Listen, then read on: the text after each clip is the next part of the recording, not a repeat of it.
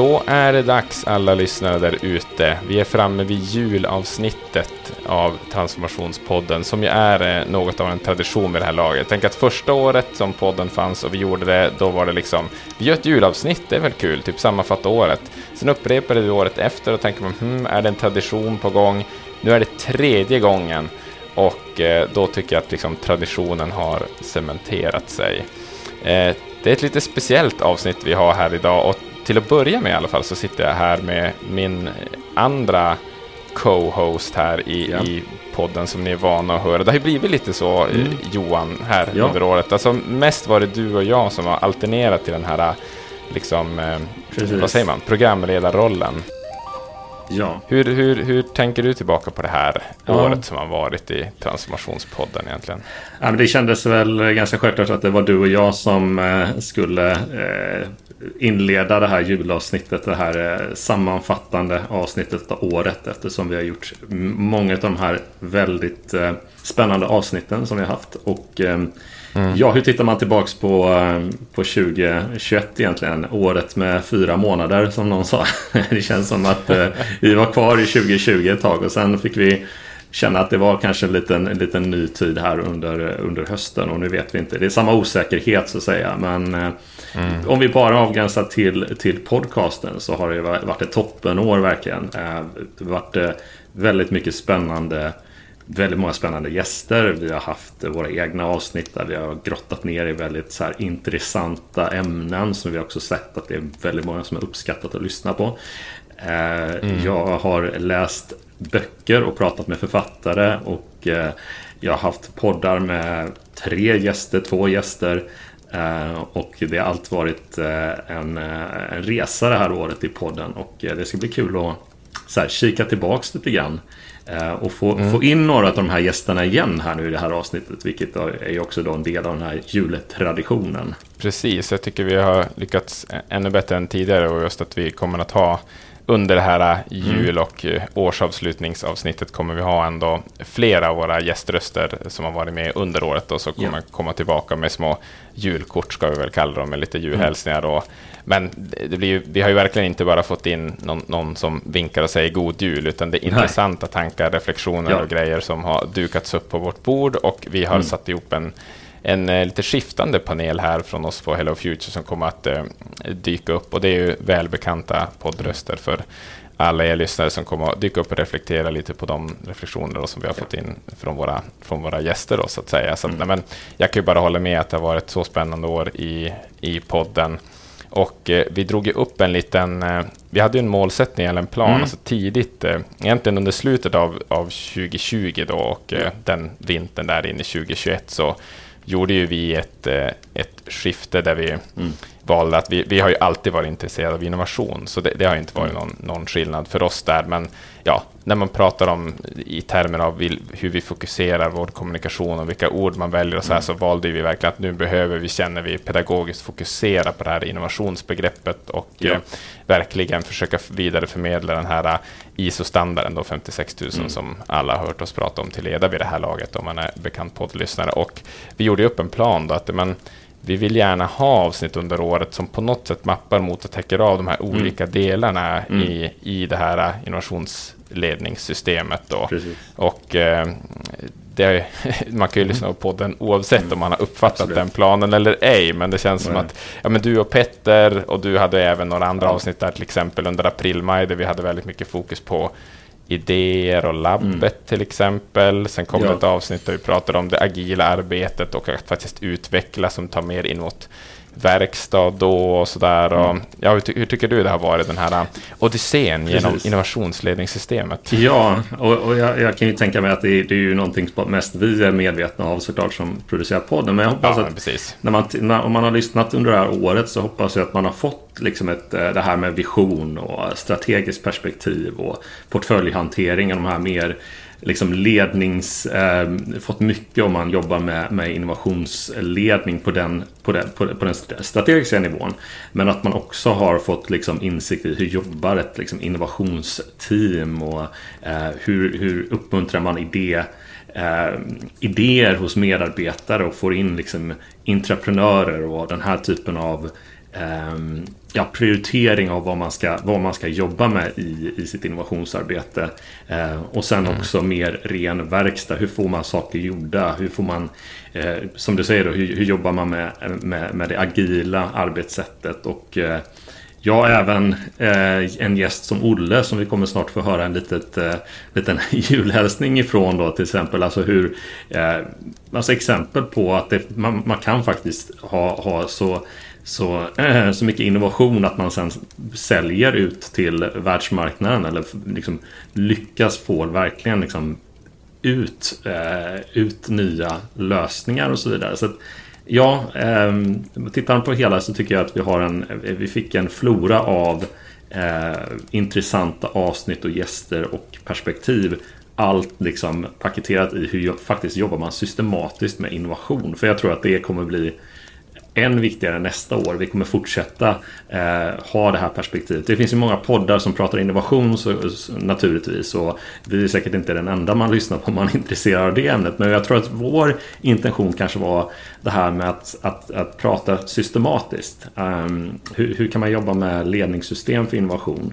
Uh, och uh, naturligtvis kan man ju prata om, om det och ISO-standarden i flera avsnitt. Men vi har försökt verkligen så här plocka ut olika delar som är kritiska. Och det kommer vi nog fortsätta med att göra naturligtvis. För det, det, det kräver repetition och det kräver att, eh, ehm, att, att, man, att det landar och att, att, eh, att man blir inspirerad.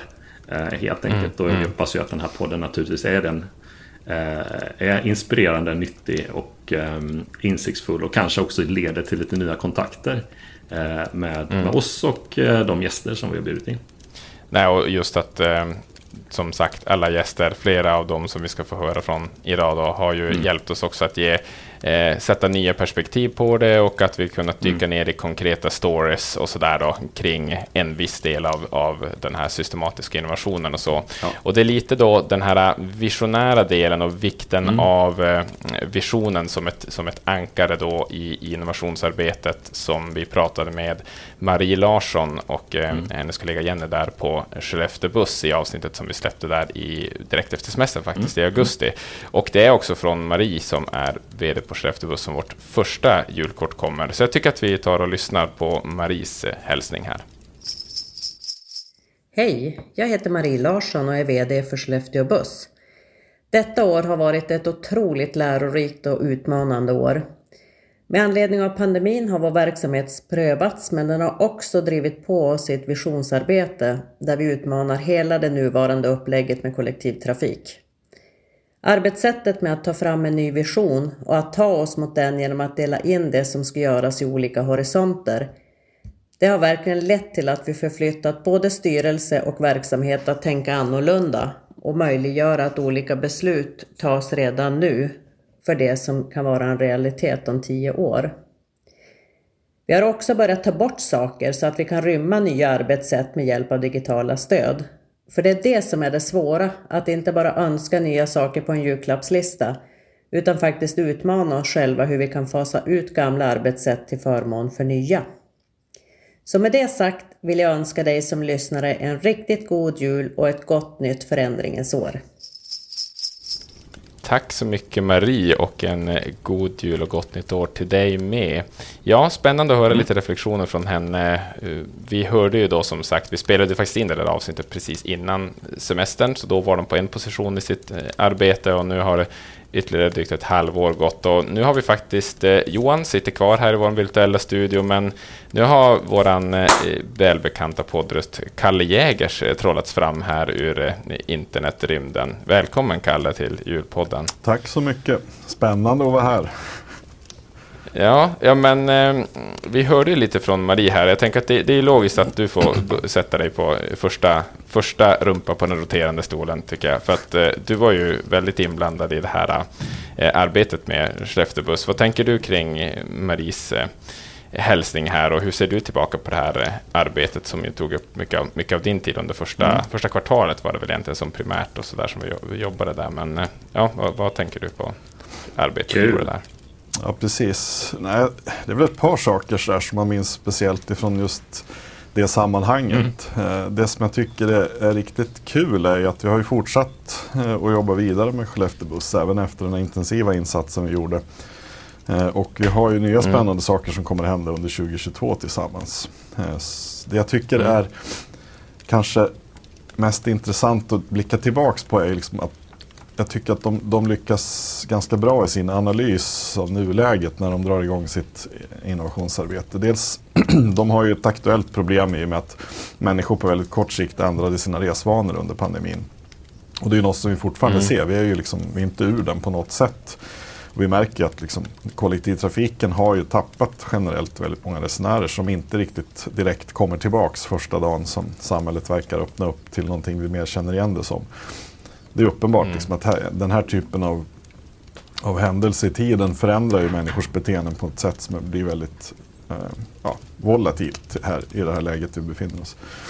Eh, så att de har ju en jätteintressant utmaning och också på många sätt väldigt angelägen utmaning att lösa just här och nu. Liksom hur, hur ska vi anpassa det vi gör här och nu utifrån att människor har på väldigt kort tid förändrat sina beteenden på ett sätt som vi inte riktigt vet. Eh, så där tycker jag att de har gjort en ganska bra analys och kommer att jobba ännu mer användarcentrerat än vad de har gjort tidigare. Det vill säga de kommer ju göra ett antal saker. De har en del pågående initiativ eh, men de kommer också göra en del mer fokuserade större saker riktade mot att försöka förstå liksom, vad är det egentligen som har hänt behovsmässigt och vad är det vi ser nu. Liksom, gammal kunskap ifrån olika eh, mätningar och studier eh, kanske fortfarande är relevant men vi vet inte riktigt till 100 procent. Så där tycker jag de har gjort en, en klok analys och se att vi måste investera i att förstå våra resenärer ännu bättre. Det blir extra viktigt i de tider vi är nu. Där vi måste någonstans här och nu lösa ett akut problem. Eh, sen tycker jag också mm. att man har gjort en intressant analys liksom, på lite längre sikt och ser ju också att ja, men, mycket av det man har gjort i branschen och dit man har tagit sig nu bygger på ett ganska industriellt tänkande också med de förutsättningar som fanns tidigare historiskt och de beteenden som man kunde spela på då. Eh, här ser vi ju liksom ur oerhört många olika perspektiv så kommer ju eh, idén om vad kollektivt resande är vara ganska annorlunda om vi tittar 30 år framåt jämfört med vad det har varit de senaste 30 åren. Så där tycker jag att de är mm. rätt kloka. Att de investerar i en mer långsiktig innovationsprocess här också. Det handlar inte om att liksom göra några snabba små projekt och få någonting att hända här och nu. Utan jag tycker de tar ganska kloka steg strategiskt där. Riggar sig för att kunna jobba kontinuerligt utforskande och liksom både lösa sånt som är viktigt här och nu för nuvarande verksamhet men också se till att liksom närma sig en framtid som man inte vet så jättemycket om exakt vad det kommer innebära som blir svår att planera sig fram till. Eh, så där, mm. där, det är det första som någonstans jag tänker mm. man tar med sig från det projektsammanhanget också. Att man dels har haft mm. ganska högt, eh, högt förtroende för process när man har jobbat med innovationsmetodik och också fått ett väldigt bra resultat tack vare det vill jag nog påstå. De har, eh, tycker jag, kommit fram till en, en på många sätt väldigt relevant visionsbild kring vad de vill vara om tio år. Jag tycker att med de förutsättningar de har så tycker jag att de har presterat otroligt bra med hjälp av, av de innovationsmetoder som de, vi har hjälpt dem använda. Eller som vi har egentligen haft mm, förmånen mm. att vara med och coacha dem i. Eh, mm. Så det är väl det ena. Sen finns det en annan del i det där. Jag kan prata hur mycket som helst om den här case för det finns fruktansvärt mycket intressant. Ja, vi märker att du går, du går igång på det här temat helt klart, Kalle. Ja, exakt. Nej, men det finns en annan intressant utmaning som har blivit lite sådär nästan lite pausad nu under de här akuta pandemiproblemen som vi har försökt lösa. Det, samtidigt som, som de hänger ihop väldigt mycket, de här utmaningarna. För vi ser ju också att liksom, hållbarhetsutmaningen, den har ju inte någonstans blivit mindre under den här tiden när vi har fokuserat på att inte sprida smitta. Och vi ser att den här typen av liksom revolutionerande händelser, eller liksom den typen av ska man säga, intervention i vardagen som det blir mm. när en pandemi dyker upp, gör ju också att väldigt mycket kullkastas av det som är liksom cementerade sanningar. Och det öppnar ju upp för väldigt mycket utforskande och ett stort behov av innovation. Eh, och det är något jag tror man kommer dra nytta av. Liksom när de här sakerna samverkar i samma tidsrymd så tror jag att vi kommer kunna använda oss av det här utrymmet till att skapa en del hållbara innovationer som gör att vi kommer att ha ett bättre samhälle om tio år. Och kanske till och med snabbare än så. Eh, så jag tror att där finns det också en dimension. Vi kan konstatera att det som man håller på med inom kollektivtrafiken i grunden det är ju någonting som kommer att vara, det vet vi ju redan nu, liksom, är ju en av, av grundnycklarna till att kunna ställa om till ett mer hållbart samhälle.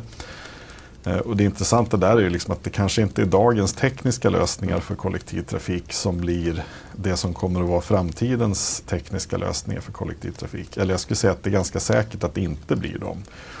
Eh, och det mm, tycker jag också är väldigt spännande när man får jobba ihop med ett bolag som Skellefteå Buss. Liksom man heter buss i namnet. Det är liksom, man kör bussar. Det är, det är väldigt fysisk teknik vi pratar om. Så det, det, är ganska mm. tydligt vad man har haft för typ av affärsmodell. Eh, och jag tycker det är superintressant i det sammanhanget att höra deras tankar kring vad de ser att de vill vara och behöver vara om tio år. Eh, där finns det ju väldigt, väldigt liten säkerhet kring om huruvida bussen är den smartaste tekniska lösningen på att liksom leverera det man ser att samhället behöver. Eh, och det tycker jag är spännande. Liksom, ett sånt extremt tydligt nischat bolag använder sin kunskap och sitt förstående, liksom, sin förståelse runt kollektivtrafiken som fenomen och den platsen i samhället för att liksom kunna se bortom det man har på sitt nuvarande, liksom, i sitt nuvarande upplägg med de nuvarande liksom, tekniska lösningarna man använder sig av. Kunna se liksom, att kanske inte är någonting av det kvar om tio år utan vi, vi är någonting helt annat. Eh, där tycker jag också det finns något väldigt fascinerande att se liksom, att man är inte på något sätt låst tankemässigt i att ja, och hur får vi in bussarna då om tio år i allt det här. Nej, Så, nej, exakt. Det finns någonting annat där, något att utforska. Man är helt öppen för det. Det tycker jag är, är oerhört spännande i just det caset. Eh, och jag, tänker, jag minns Johan när vi hade någon diskussion här för att det, arbetet med Skellefteå buss och andra trådar som vi haft igång under, under året har ju eh, ja, men lite mycket diskussioner hos oss om det här med kollektivtrafik och hållbarhet och liksom den kombinerade utmaningen där givetvis. Jag vet Johan, i någon, någon diskussion vi hade så var ju du väldigt så här, ja, men typ mm. ändå så här, få jobba något typ av kollektivtrafiksprojekt större, liksom, det är ändå någon typ av så här drömgrej nästan för dig, man får verkligen så här välja ja. och vraka av en projekt. Inte, vad, vad, vad känner du kring det här? Vad är det som taggar dig på den här utmaningen då? Ja, men det är Ja, men det ekar lite grann det som, som Kalle säger. Det första handlar ju om, om den hållbara liksom omställningen, liksom den gröna omställningen i, i stort. Men också att resande är ju en trend, en, en sån här stor trend som håller på att förändras i med pandemin och det gör det också spännande. Det ena är att vi, vi tänker om och det är lite så här, ha, jag menar bara, bara nu när, när vi har nya rekommendationer, i alla fall i Stockholm, så handlar det om Eh, Eh, att, att, ta, eh, att ta på sig eh, ansiktsmask på munskydd säger man på, på tunnelbanan. Så det, det, är ju det är liksom någonting som hela tiden kommer upp. Liksom, att det, är både, det finns en spänn, någon slags spänning där av att ja, det är lite det är till och med lite farligt att, att åka kollektivt eh, under eh, nu. Men det är också så här, ja men det är också vad, vad är det för typ av, av framtida resande vi, eh, vi behöver. Ehm, så, så, så, på det sättet tycker jag det är, väldigt, ja, det, det, är ett, det är ett spännande område att jobba med, med, med innovation. Ehm, och jag tyckte, ehm, eh, jag vet ju då Kalle att, att det ekar ju lite grann i hennes hälsning här om att de, lite det här liksom Vijay Govindarains eh, treboxmodell eh, som, som, vi, eh, som vi har pratat mycket om i podden och så vidare.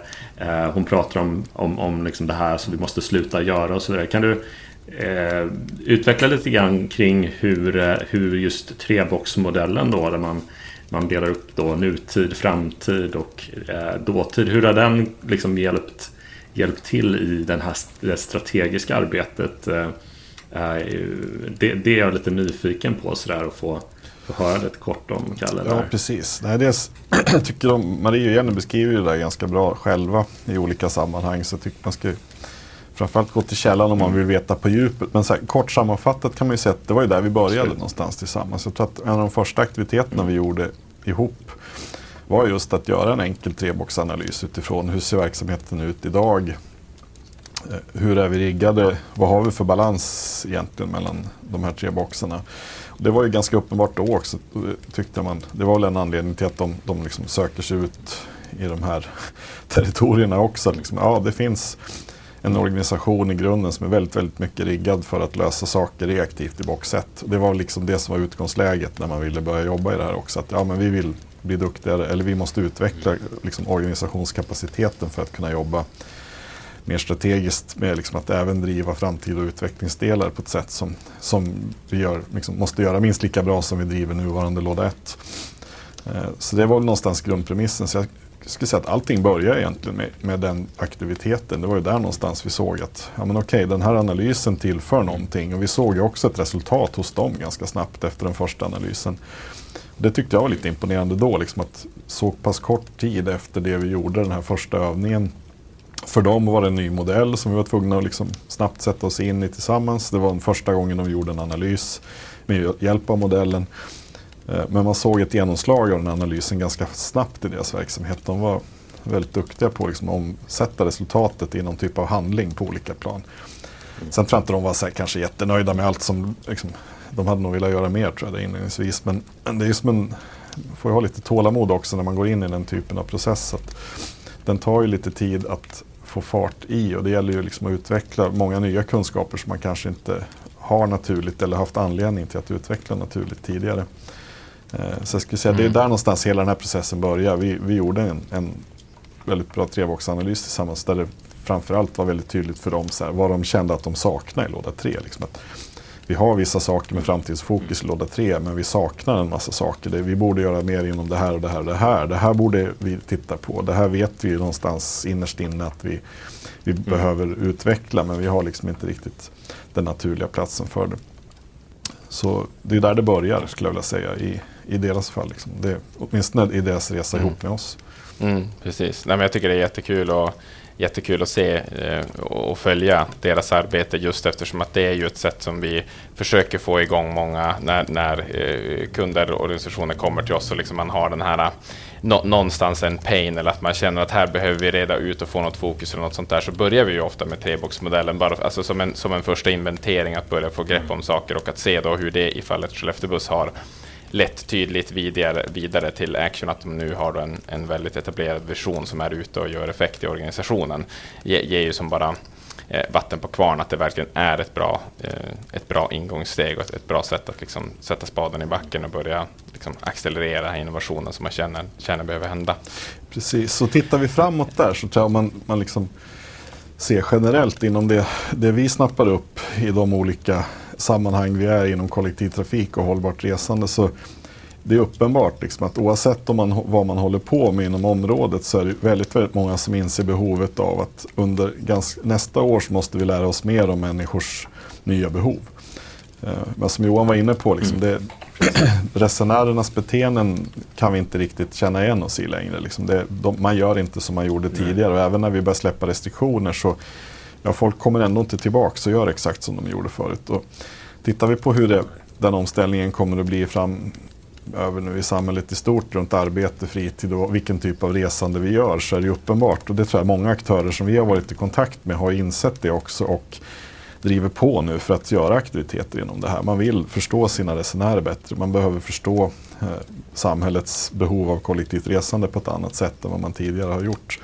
Eh, och det märker vi på alla möjliga nivåer och inom alla möjliga sektorer inom kollektivtrafik och hållbart resande. Så det tror jag kommer att vara liksom mm. ett väldigt, väldigt stort tema mm. för 2022 för många aktörer inom den branschen. Att man kommer att behöva förstå sina resenärer ännu mm. bättre. Eh, det har hänt mm. någonting som man, man behöver få liksom en bättre förståelse för vad det innebär och vad man själv då kommer att behöva göra för att reagera på det. Eh, Johan, har du någon, eh, du som som sagt väldigt taggad på att jobba med det här, vad är du mest intresserad av att liksom utreda och greppa tag i på det här området? För jag ska säga att vi har ju fått också väldigt, alltså vi, vi märker ju det som du nämnde lite Kalle, att vi får ju just nu ganska mycket förfrågningar och liksom intresse från kollektivtrafiksidan, så det är väl liksom det vi baserar det här på, en, en sorts liksom kvalitativ mm. bild och att nu det håller på att hända någonting där.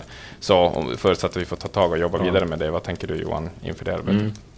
Nej, äh, men precis. Jag, jag, jag, bara kan bygga på det som Kalle sa. Mm. Att jag tror att en, en, en strategi eh, för framtiden då, för innovation äh, så, så måste det bottna i att förstå sin målgrupp. Och det, det är någonting vi det är som ett mantra i den här podden men det, det är faktiskt så. Så det, det tror jag kan bli otroligt spännande att liksom, äh, få mappa ut lite grann vad, vad är det för nya beteenden? Vad är det för nya förväntningar? Vad, hur, hur sker resandet nu mm. eh, och framöver? Och hur ska, man, hur ska kollektivtrafiken kunna på ett nytt sätt förnya sig och möta upp de behoven med hjälp av som sagt var ny teknik, eh, smarta digitala lösningar eller bara ett helt, en, helt nytt, en helt ny paketering av vad kollektivtrafiken kan, kan liksom bidra till samhällsutvecklingen och omställningen. Eh, och vilket värde det kan ge eh, invånarna. Eh, ja, det, det, det ska jag säga är, är jag väldigt eh, eh, spänd på att få jobba med under, under nästa år. Så sagt var. Och, eh, och, och som sagt var, det är inte bara insikter för konkreta snabba lösningar utan det är ju insikter för att bygga det här framtids, eh, den här framtidslådan då, eller box 3 arbetet så att säga. Mm. Att, det, att den, den, den strategin, framtidsstrategin, den, den måste vara liksom grundad i de faktiska behoven. För, för liksom, samhällsbehoven helt enkelt. Mm. Så att, ja, mm. det, det skulle jag säga att det, det, gäller inte bara kollektivtrafiken utan det gäller ju generellt sett så att säga. Mm. Så absolut. Ja, och som du är inne på, där, det gäller inte bara kollektivtrafiken. Vi ska över till ett eh, nytt julkort som kommer från en annan, mm. en annan sektor som har varit minst sagt påverkad av pandemin. Jag skulle säga som har stått i pandemins, mm. i stormens öga och eh, haft tornadovindar runt sig i närmare två år snart nu. Då. Eh, så att eh, vårt nästa julkort kommer från Rockige Olle på eh, DS Innovation. Så vi ska höra vad han har för eh, hälsning till Transformationspodden. Hej på er! Olle Hillborg här från DS Innovation på Danderyds sjukhus. Jag släppte en bok i höstas som heter Rock'n'roll i landstinget och fick då äran att vara med i Transformationspodden. Där kunde jag berätta om hur vi utvecklar idéer från medarbetare i sjukvården och hjälper små företag som vill arbeta tillsammans med oss i utvecklingen av deras produkter och tjänster. Idag pratar ju alla om digitalisering av sjukvården och många av de företag som besöker oss vill just utveckla nya digitala lösningar. Jag vet inte hur många plattformar, appar och system som ska göra ditt och datt som jag stött på det sista året. De riktigt trasslar in sig i varandra. Vi behöver ju såklart den nya digitala utvecklingen i offentlig sjukvård, men det måste få ta tid, vilket är frustrerande förstås. Vi måste vara medvetna om alla instanser inom vården som hanterar, förvaltar, upphandlar och kontrollerar alla de system som presenteras för oss. Det är helt omöjligt att bara tycka att vården ska digitaliseras, prata massa politiskt snömos och lova miljoner för utvecklingen utan att hålla koll på vad vården verkligen vill ha och behöver. Det är i alla fall min erfarenhet som har jobbat aktivt med det här innanför sjukhusväggarna i snart 20 år. Under de senaste åren, inte minst under corona förstås, har det absolut viktigaste varit att behålla personalen, både i livet på grund av smittan men också kvar på arbetsplatsen med drägliga villkor. Vi har inte haft tid att tänka digitalisering. Det nya året 2022 kommer säkert att bestå av nya landvinningar inom digitaliseringen. Själv håller jag mest på med att spela in en ny platta med mitt rockband Glorious Bankrovers. Jag har precis skrivit 15 nya låtar som vi ska pressa på vinyl. Det är intressant det här med låtar. Det är ungefär som att hitta på nya lösningar eller uppfinningar. Och det är hela grejen med innovationer tror jag. Det går inte att beställa utan måste drivas av något lustfyllt eller lösa ett behov som verkligen finns där ute. På Danderyds sjukhus är det betydligt lugnare nu än vad det var förra julen. Vården har fått tid att läka och har nu tid att arbeta med så kallade elektiva vården. Det vill säga vanliga operationer och vård, vilket är skönt. Hoppas det fortsätter så. Jag har fått ganska många bra recensioner, både för min bok men också från min medverkan i Transformationspodden i höstas. Lyssnarna har tyckt att det varit spännande att höra om hur vi stödjer medarbetarna i sjukvården, men också höra mig berätta om all skum hantering av skattemedel, hierarkier, korruption och annat skit som förekommer i den offentligt finansierade sjukvården. För mig har det varit skönt att få skriva av mig och berätta om allt det här, både i bokform och i poddform. Nu hoppas jag att alla ni som lyssnar får en härlig jul med många paket och snö på marken. Var snälla mot varandra nu så kommer nog tomten den här julen också. Jag har hört att han är dubbelvaxad och vill ha en stor kram när han kommer farande med sina chippade, renare, hårda, platta paket. Ha en riktigt god jul nu, önskar jag, Olle Hillborg på Danderyds sjukhus. Tack så mycket Olle. En riktigt god jul till dig med. Eh, lycka till med plattan där. Det ser vi fram emot. Eh, ja, men jag tycker det är flera intressanta aspekter här i Olles hälsning. Det, det, det, jag tyckte var, det jag var nyfiken på här först, det var han pratade om det här att eh, det måste få ta tid med innovation eh, ibland och att det måste också komma från någon, någon genuin plats. Alltså det, det, har man ju förstått om man lyssnar på Olle i hans avsnitt och så vidare, att han är, ju liksom, eh, han är en eh, emotionellt eh, driven person och liksom att det, behöver komma från de här. Men jag tycker att det är väldigt intressant för i allt vårt prat om modeller och sådär så den aspekten kan man lätt glömma att om det inte finns liksom ett riktigt ett lust, ett driv kring ett faktiskt behov hos någon så är det väldigt svårt att liksom eh, på något eh, ja, systematiskt sterilt rätt sätt genomdriva mm. innovation. Jag vet inte vad ni har för tankar kring det där. Johan, vad tänker du? Nej men naturligtvis är det ju någonting som vi också försökt få in i, eh, i den här eh, podden flera gånger bland annat med Olle. Att ja, men det krävs ju liksom eldsjälar också på ett sätt. Alltså man måste komma personer som, som bryr sig om verksamheten, som, som vill se förändring och som, eh, som, som, som kan jobba tillsammans så att det får vara lustfullt. Och, och att man får involvera som de gör och försöka involvera personer som är så nära eh, eh, de som behöver lösningar som möjligt. Eh, och det tror jag också är liksom en, en, en framgångsfaktor från på Danderyd. Att, ja, men man har låtit personalen som, som sitter och ser behoven och ser, ja, men skulle man inte kunna lösa det på det här sättet? Och så har de liksom fört in dem i sitt, eh, sitt innovationsarbete, coachat dem, hjälpt dem med väldigt mycket praktiskt och sen har det faktiskt blivit någonting. Eh, så den där aspekten är nog eh, är enormt viktig och det är klart en utmaning att lyckas med i sin verksamhet. Eh, att se till att innovation, som vi säger det då, demokratiseras mer. Det säga att det inte är bara till för de som verkligen kan det utan man måste ju se att de faktiskt de kanske mest intressanta lösningarna och de mest spännande vägarna som man kan ta som en organisation det, det, kan man plocka upp ute i verksamheten. Eh, och det ekar lite grann det som jag pratade med Mattias Axelsson om också i avsnittet om det här dold potential egentligen. Att eh, väldigt mycket utav lösningarna, de här stora eh, förändringarna som, som behöver ske och de här smarta idéerna. De finns redan hos medarbetarna, det finns redan i verksamheten. Man behöver bara lyfta på locken, man måste bara eh, se till att det får rätt eh, behandling så att säga i, i processen. Eh, och eh, och nog, noggrant liksom, utifrån strategin då, plocka ut eh, och prioritera dem. Eh, och, och, lyckas man med det då tror jag att man kan få en väldigt Just det som säger den här lustfyllda energin i organisationen. Man känner att ja, men det, vi, vi, vi gör någonting nytt och eh, vi eh, som är personalen vi är delaktiga i det i det nya som sker. Uh, och, och, sen finns det ju andra, andra spännande aspekter där med, med Olle då, om man ska lyssna tillbaka på det avsnittet. är ju att ja, det är tyvärr är det väldigt mycket av um, eh, eh, styrningen och politiken och uh, chefskapet som, uh, som gör det här uh, komplicerat. så att det, det, är också det här taket som man slår i i arbetet. Så att det är återigen hela organisationen måste vara med på, på, på förändringsarbetet naturligtvis. Mm, mm. Uh, ja, mycket att säga om det. Ja. Mm. Ja, jag tänker eh, om inte annat apropå det här de eh, politiska utmaningarna som Olle också, han, eh, han kategoriserar som politiskt ja. snömos. Så det är väl, om vi, ska, om vi ska dela ut priser här som man ibland gör mm. i vissa saker i slutet av året, det var vi inte förberedda för, ja. men jag vill direkt dela ut liksom, årets vokabulärexpanderande avsnitt är ju helt klart avsnittet med Olle. Jag lärde mig i alla fall att prata ja. om snömos. Även fast jag är uppvuxen där det är väldigt mycket snö ja. så undrar man eh, exakt vad det är. Men samtidigt får man med sig hela, hela poängen med det.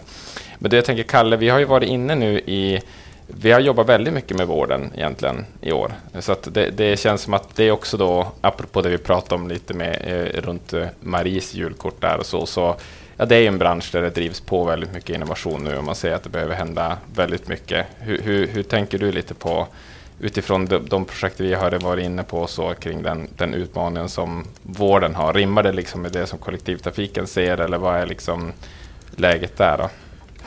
Ja, det finns ju såklart en del likheter men också en del ganska tydliga, åtminstone för mig, ganska tydliga skillnader. Så jag tror att vård är ju väl många olika saker idag i Sverige så det, det, är svårt att bunta ihop det liksom. Mm. Eftersom det rör sig om så fruktansvärt mycket. Och det är ju, men jag tror det, om man ändå ska generalisera med, liksom, mm. med de fördelar som det kan innebära ibland så tänker jag att Ja, men den stora utmaningen för många aktörer inom vården och även inom annan omsorg har ju just att göra med liksom beteendeförändring och förväntan men också vad, vad man ser som mm. behov.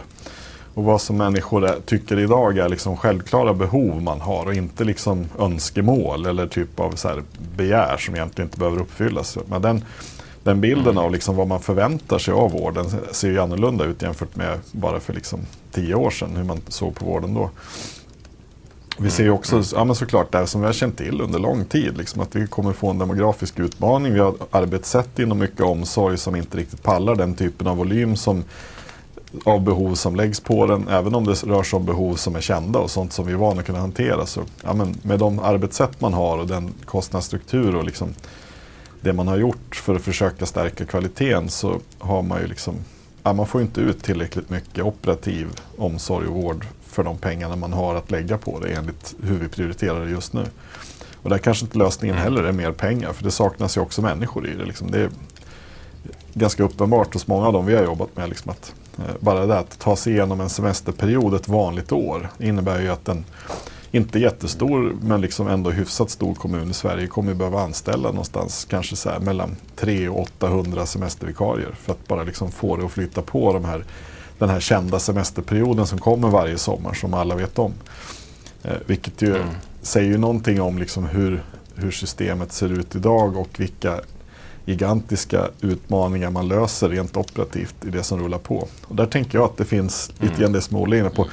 Det finns väldigt många människor som bryr sig om det de gör och som tar ett otroligt mm. stort ansvar, betydligt större i många fall än vad man har betalt för rent så i pengar. Men det är lite grann det som driver vården i Sverige. Jag tror att det finns en jäkla massa hjältar där ute som någonstans gör det här av väldigt många olika skäl såklart eftersom det är individer vi pratar om. Men, men det finns ändå fortfarande kvar någon slags idé om anständighet att det, liksom, det finns eh, en typ av syfte som motiverar en trots allt det som läggs på runt omkring. För där är det ju också uppenbart att det är ju inte tack vare liksom vår politiska styrning och ledning de senaste åren som vi har utvecklat en kvalitet. Utan det, det har ju aldrig varit så tydlig konflikt mellan liksom människors behov, professionens insikter och vad man sen drar för politiska slutsatser. Eh, vilket gör att det ibland blir ganska absurt när vi liksom går ur en sån här period och sen ändå inför någon slags sparkrav i många sektorer. För att liksom, nu har vi spräckt budgeten med en pandemi. Nu måste vi skära ner på vården trots att kön som har byggts upp under pandemin aldrig har varit större. Liksom.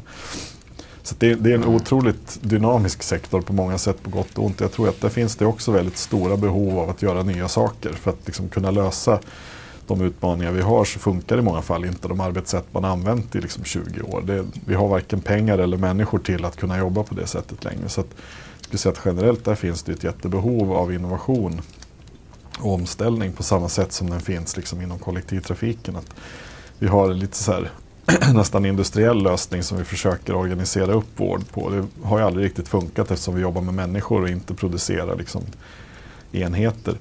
Eh, och där finns det en jätteutmaning, liksom både strategiskt, hur vi tänker kring organisation. Eh, vi har en jätteutmaning när man tänker operativt för att få liksom den vårdmängd utförd som vi ser att vi behöver. Eh, och där tror jag också att det är många som upptäcker att här, vi kommer inte att kunna liksom planera oss fram till det här med med kända metoder inom New Public Management. Det funkar inte det här. Det är liksom inte en processindustri vi ska optimera utan vi kommer behöva jobba med innovationsmetodik för att hitta nya lösningar inom den här sektorn. Eh, men där tycker jag också det är intressant för att liksom återknyta lite grann också till resonemanget kring det här som Olle lyfter med liksom någonstans utrymmet egentligen för den emotionella aspekten eller liksom det som är mer så lust och individdrivet. Så jag, jag ser ju egentligen ingen konflikt mellan det här liksom systematiska modellstrukturen som vi pratar mycket om och det som Olle pratar om. För när vi ser att det funkar bäst med innovationsmetodik då använder vi ju strukturen för att freda de här människorna som behöver finnas i ett sammanhang mm. där de får utrymme för det här. Där det finns liksom en plats att liksom drivas av lusten att liksom få jobba i fred rent krasst med att få göra de saker som man mm. ser att man behöver göra utifrån de behov man har identifierat. Så att när allting mm. fungerar väl då använder vi den här typen av systematik för att skapa det utrymmet som behövs. För att det är också tycker jag ganska tydligt så här, när man lyssnar på Ola att liksom, i det sammanhanget finns det många andra intressen som inte liksom bejakar just den här sidan. Och som har andra agender som krockar kanske lite grann med ett innovationsbehov och som kanske inte riktigt är kompatibla med att kunna bedriva framgångsrik innovation. Så där tänker jag att mm. i många fall kan man ju använda den här typen av systematik och struktur just för att freda människorna. Att se till att de människor som behöver få ett utrymme och lugn och ro och jobba över tid, att de får det. Att de liksom skyddas från det som kan distrahera dem från de här sakerna. Så jag tror också att mm. såklart som med allt annat så systematik är ju både på gott och ont. Det går ju att liksom utnyttja systematik till annat också. Det går ju att liksom bygga upp en bild med hjälp av systematiska modeller och att det sker så himla mycket innovation i vår organisation. Tittar man sen i praktiken så finns det inte särskilt mycket bortom de här modellerna. Så det är lätt att fastna där också eller lägga på dem som ett kosmetiskt lager och liksom hänvisa till det. Vi använder oss av ja. den här innovationsmodellen. Det ja, men det, precis, det blir innovationsteater av det hela. Så att det, de mm. modeller och systematik i sig skapar ju ingenting. Det måste fyllas med människor med rätt typ av intresse, rätt typ av agenda och rätt intentioner. Det är då vi får någonting att hända i slutändan. Mm, mm. Båda, båda aspekterna måste, måste vara med där. Eh, Johan, jag, vet, jag ser att det kliar lite i dig också. Du har ju varit inne i vård, eh, en hel del vårdarbete ja. här under året. Hur, hur tänker du på utmaningen? Ja, det har jag ju Verkligen. Men jag skulle vilja bara kort plocka upp den här tråden också kring det han säger att han håller på att spela in en platta. Eh, och att det är som låtar. För jag och Kalle vi har ju pratat om den här Beatles-dokumentären då, Get Back. Som naturligtvis är åtta timmar lång ungefär. Men verkligen rekommenderas att, att ta sig igenom om så bara ett avsnitt under, under julledigheten. För här har vi ju då liksom världens mest framgångsrika rockband i historien. Som man får följa med när de Eh, experimenterar fram med sina låtar. Och det är ju många av de här eh, take, många takeaways från den dokumentären om hur man skapar någon typ av magi eller någon typ av eh, nytt material. Um, och Eh, en aspekt är bland annat att de börjar ju i någon filmstudio och då går det ju åt skogen. och sen så när de är i sin studio då, eh, då går det bättre. Och det handlar ju lite grann om kontext och miljö för att utveckla idéer. Att den, eh, man får inte det är viktigt att ha, utveckla de här idéerna i rätt miljö där man känner sig hemma och där, där liksom förutsättningarna finns runt omkring att, att få, få det här. Sen är det naturligtvis så att det är enormt lustfullt. Det är mycket blaha blaha under tiden. De håller på att spela gamla rocklåtar och dansar runt och blajar lite väl mycket kan man tycka ibland. Som irriterar ju då på Paul McCartney och John Lennon håller på. Så det är, det, det är lustfullheten finns kvar. Eh, även om man visste att det här var ganska tufft. Det var ju sista, sista året i, i Beatles historia då. Men sen är det också det här, de jobbar ju stenhårt. Alltså de, de, det är ju sex dagar i veckan de kommer in och, och sitter i, i, timmar och jobbar på de här idéerna. Och idéerna kommer in från olika, olika personer i bandet och så jobbar man på det tillsammans. Eh, och det är ju verkligen det här, vi, de, de, jobbar väldigt intensivt under ett, ett, en avgränsad period. Eh, och blandar det här eh, hårda deadlines som hela tiden, vi ska ha någonting klart.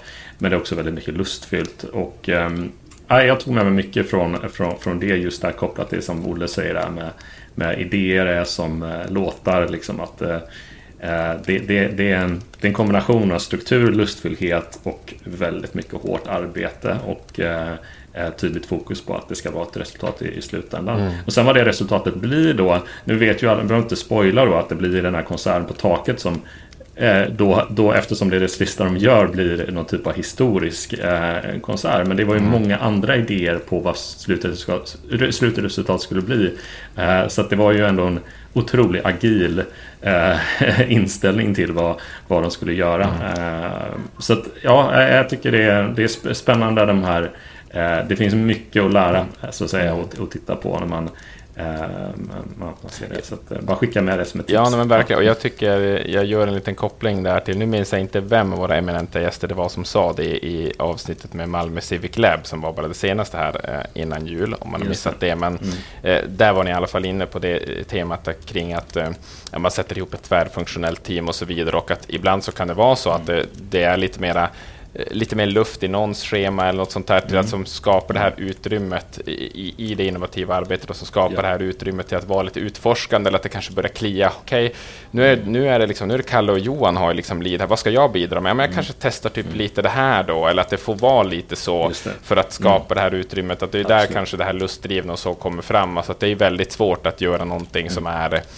som har en riktigt hög nivå om man, det man gör är att man sitter och stressar och checkar av en lista. Så jag tycker att det, mm. det är jättespännande att Precis. fundera på hur man i ett innovationsteam skapar det utrymmet för att båda de här dimensionerna ska finnas med. Vi har en processmål, vi jobbar utifrån en vision, Precis. men vi har också utrymmet att det får vara det här utforskandet. Alltså annars tänker jag bara helt personligt så tänker jag liksom, hur skulle jag orkar inte vara med i något innovationsprojekt om vi bara sitter och checkar av en lista, att det inte finns något utrymme liksom att, få, att få utforska lite grann, att det finns någon, någon lust i det. Så det, det tycker Precis. jag är ett jättespännande tema att ta med sig när man skapar på, på att skapa förutsättningar för innovation.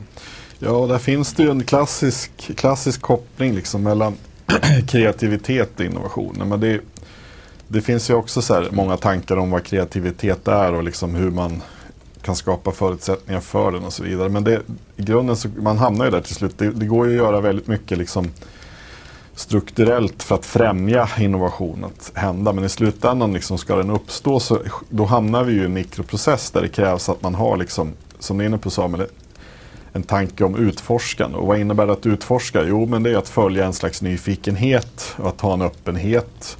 Och det innebär ju också någonstans att utnyttja sin fantasi, vilket ofta är sånt som skapar eller kräver en typ av lust för att liksom kunna ske. Liksom. Det, vi är inte jättefantasirika liksom, när vi satt där under press och stress och liksom förväntas leverera eh, någonting.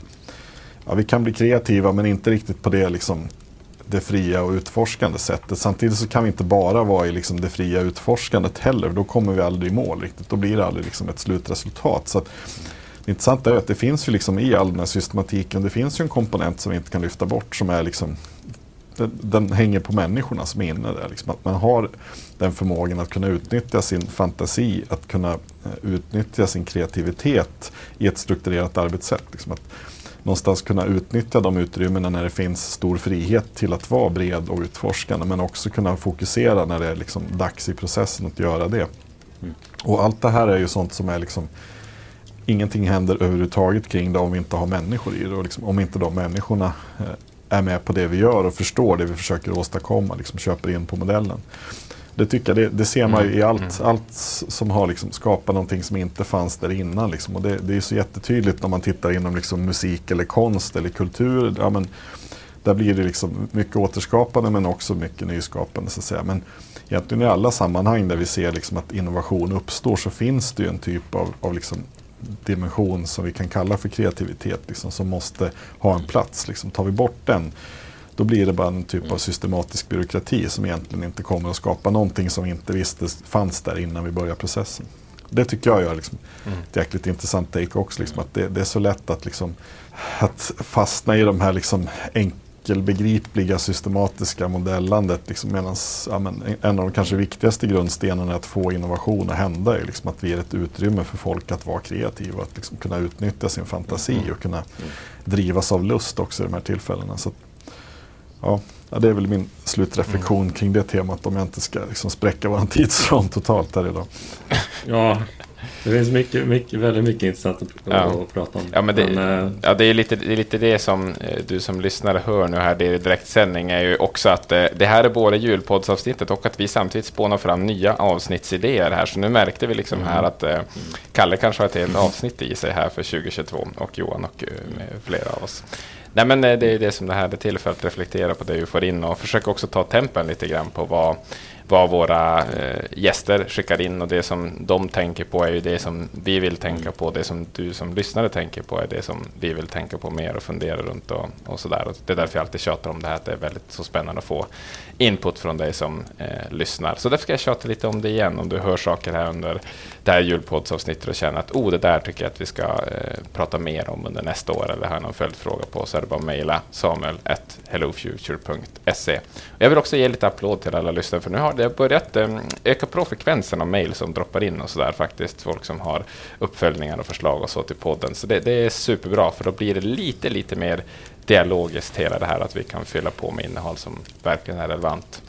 Men eh, vi eh, sätter lite eh, P för den diskussionen här nu utifrån vården och Olle, vi, som vi hör, vi kommer att återkomma till både vården som vi jobbar mycket mot just nu på Low Future och de här temana som man pratar om kreativitet, innovation, hur det hänger ihop och, och det här lustfyllda. Superspännande. Eh, Johan, du dyker upp senare igen i podden, men försvinner just nu. Kalle, mm. till dig säger vi, ja i poddsammanhang säger vi väl god jul då? Tack och detsamma. Det har varit ett spännande år och med podd och jag ser fram emot ett lika spännande 2022 med podden. Så, på återsyn. Mm. Tack så mycket, Kalle. Eh, vi allihopa ska lyssna på ett nytt julkort som, eh, ja, ni kommer ju höra vem det är. Det är faktiskt en gäst som har varit gäst två gånger i eh, podden. Och eh, sen så dyker upp två nya nissar som ska diskutera med mig efter att vi har hört det eh, julkortet. Så jag klickar på play. Hej! Eh, Maria Bensalem Dynehäll här. Snart är det här året slut eh, och när jag tänker tillbaka på 2021 så kan man ju konstatera att även 2021, precis som 2020, har varit ett väldigt unikt och annorlunda år. Eh, själv har jag tillbringat eh, en stor del av det här året att prata med tusentals människor och ledare faktiskt om att leda eh, både sig själva och andra i hög osäkerhet. Och vilken utmaning det är att faktiskt kunna planera framåt när man faktiskt inte vet alls hur morgondagen ser ut. Eh, stundvis eh, under det här året så har vi trott att vi eh, har kommit igenom den här osäkra kontexten men nu när vi står inför årsskiftet så är det ju ganska klart att vi nog får fortsätta leva med osäkerhet under ett tag till framöver. När jag har varit ute och pratat med människor om just ledarskapet så är det svårt att inte också prata om arbetssättet. Alltså hur ska man arbeta då under osäkerhet? Att man Eh, i dessa tider oftare får jobba mer målsökande än att falla tillbaka på det kända och bekväma målstyrda arbetssättet som vi kanske är mer vana vid. Och när vi har pratat om det här arbetssättet så har jag också under året upptäckt att det är inte särskilt konkret för väldigt många. Man vet inte riktigt hur man ska arbeta och då blir ju eh, tillvaron ännu mer eh, osäker helt enkelt. Så vad jag tar med mig för 2022 som jag faktiskt redan har påbörjat med eh, två medförfattare. Den ena är Leif Denti som jag skrev boken Tokig att leda i osäkerhet tillsammans med, men också Anna Lärk Stålberg som jag skrev min första bok tillsammans med, Lopa, affärsutveckling för entreprenörer. Vi sitter nu och skissar på vår tredje bok som just nu heter Vadå agilt? Eh, där vi försöker konkretisera det här arbetet nästan ner på detaljnivå faktiskt för hur man kan arbeta agilt under osäkerhet eh, framåt och lyckas med det förhoppningsvis. Eh, så jag hoppas att vi kan eh, prata mer om detta under 2022. Eh, och fram till dess så ska jag ta jullov och skriva några nya kapitel och jag önskar er alla en underbart härlig jul och ett eh, fantastiskt nytt 2022. Hej då! Stort tack Maria och ett eh, fantastiskt eh, 2022 till dig med. Vi hoppas att vi vill komma tillbaka till eh, podden igen. Nu börjar det nästan kännas som att ett eh, poddår utan Maria, då blir det inget poddår. Så det hoppas vi på. Inte minst kanske den här nya boken ska komma, om det är en 2022-bok. Ja, för att prata om det här som Maria bollade upp här, Agil ska hennes nästa bok handla om, och hon verkar få väldigt mycket frågor om det, så har de här eh, två stolarna som har hållits varma av Johan och Kalle tidigare, de har nu fått eh, nya rumpor på sig och så välkomna in Martin och Leif här i eh, den juliga poddstudion. Hej på er! Hallå, hallå! Hej, tack! Eh, ja, men hon pratar ju här nu om att eh, nästa stora tema för henne att ta sig an det är liksom att verkligen försöka bryta ner det här med agilt och så. Och agilt arbete har vi ur olika aspekter pratat om väldigt mycket i år i podden. Vi hade ett, ett stort segment där i våras i april och maj där det flera eh, avsnitt som handlade om idéer och att eh, snabbt röra sig liksom från en idé till nästa, gå vidare, prototypa, testa och sådana där saker. Och så hade vi ett avsnitt där du var med, och Martin, ur ditt perspektiv som eh, tech lead, som vi kallar det här på Hello Future, tillsammans med Simon, som är designer hos oss, där ni pratar om det agila arbetssättet specifikt och egentligen utifrån mjukvaruutveckling. Och Marias vittnesmål här är att det får väldigt mycket frågor kring det och vad är egentligen agilt? Verkar vara en fråga som fortfarande verkligen behöver redas ut så där, så vi kanske ska börja lite i den änden för att vi pratade lite grann här innan vi tryckte på play att det känns som att det finns väldigt mycket olika olika perspektiv på det här med agilt och det känns som att man inte riktigt menar olika saker. Inte, Leif, vill du börja och hjälpa oss att bryta lite i det här med begreppet agilt som jag mm. tror kan betyda extremt mycket olika saker? Ja, ja, men så är det ju. Det, det finns ju både en liksom en orga, ett organisationsperspektiv på det där man pratar om agile organizations och så vidare. Men jag tror att det, det, de, det man ofta menar med det är ju någon typ av snabbrörliga organisationer, att man vill på något sätt få, få mer att hända. Men jag, jag gillar det Maria brukar prata om och det hon har skrivit böcker om tidigare, just att loopa sig fram. Eh, det, det tycker jag är ett, nästan ett bättre namn än, än agilt egentligen. För det är just det det handlar om och det kan man göra i olika i, i, olika situationer. Det, det, är ju väldigt, man gör det ju nästan alltid i något mjukvaruprojekt som är lite större så, så är det, det är ju standard att man jobbar så idag. Det är ju mer undantag om man inte, inte gör ett, ett eh, agilt projekt av det. Ehm, och jobbar man med innovationsfrågor eh, och jobbar kanske med design thinking eller tjänstedesign eller innovation thinking, vad vi då vill kalla de metoderna, så är det också helt naturligt att man jobbar loopande eh, och, och, agilt. Då. Eh, det är precis det man gör. Men det är kanske inte lika, ehm, lika självklart om man ska jobba med någonting som är kanske lite mer låda ett eller förvaltande eh, hur man gör det agilt eller om man ens ska göra det agilt. Så jag tror att det är där någonstans skon kanske klämmer. Att, man, att må, många är nyfikna på agilt och hur de blir en mer agil organisation men de kanske inte jobbar jättemycket med utveckling utan man kanske jobbar mer med förvaltning och, och då förstår jag att begreppet kan bli lite luddigt. Mm, mm. Men vad säger du Martin? Vad, vad, liksom det, det passar ju det finns ju situationer när det passar bättre än, än andra att jobba, jobba just på det löpande sättet. Precis, i grund och botten handlar det om hur, hur bra koll man har på vad det är man vill ha för resultat av någonting. Om man ska titta på det från ett jättehögt perspektiv. Eh, om jag vet exakt vad det är jag vill ha ut ur en process eh, och kan liksom detaljskriva ner det på papper, då finns det ju inte någon anledning för, för någon att, att ta en massa varv runt, utan det är ju mer när man, när man har ett behov av någonting, ett, ett slutresultat, eh, där det är bra att kunna liksom utforska sig fram för att hitta eh, rätt tillvägagångssätt för att nå det resultatet. Mm.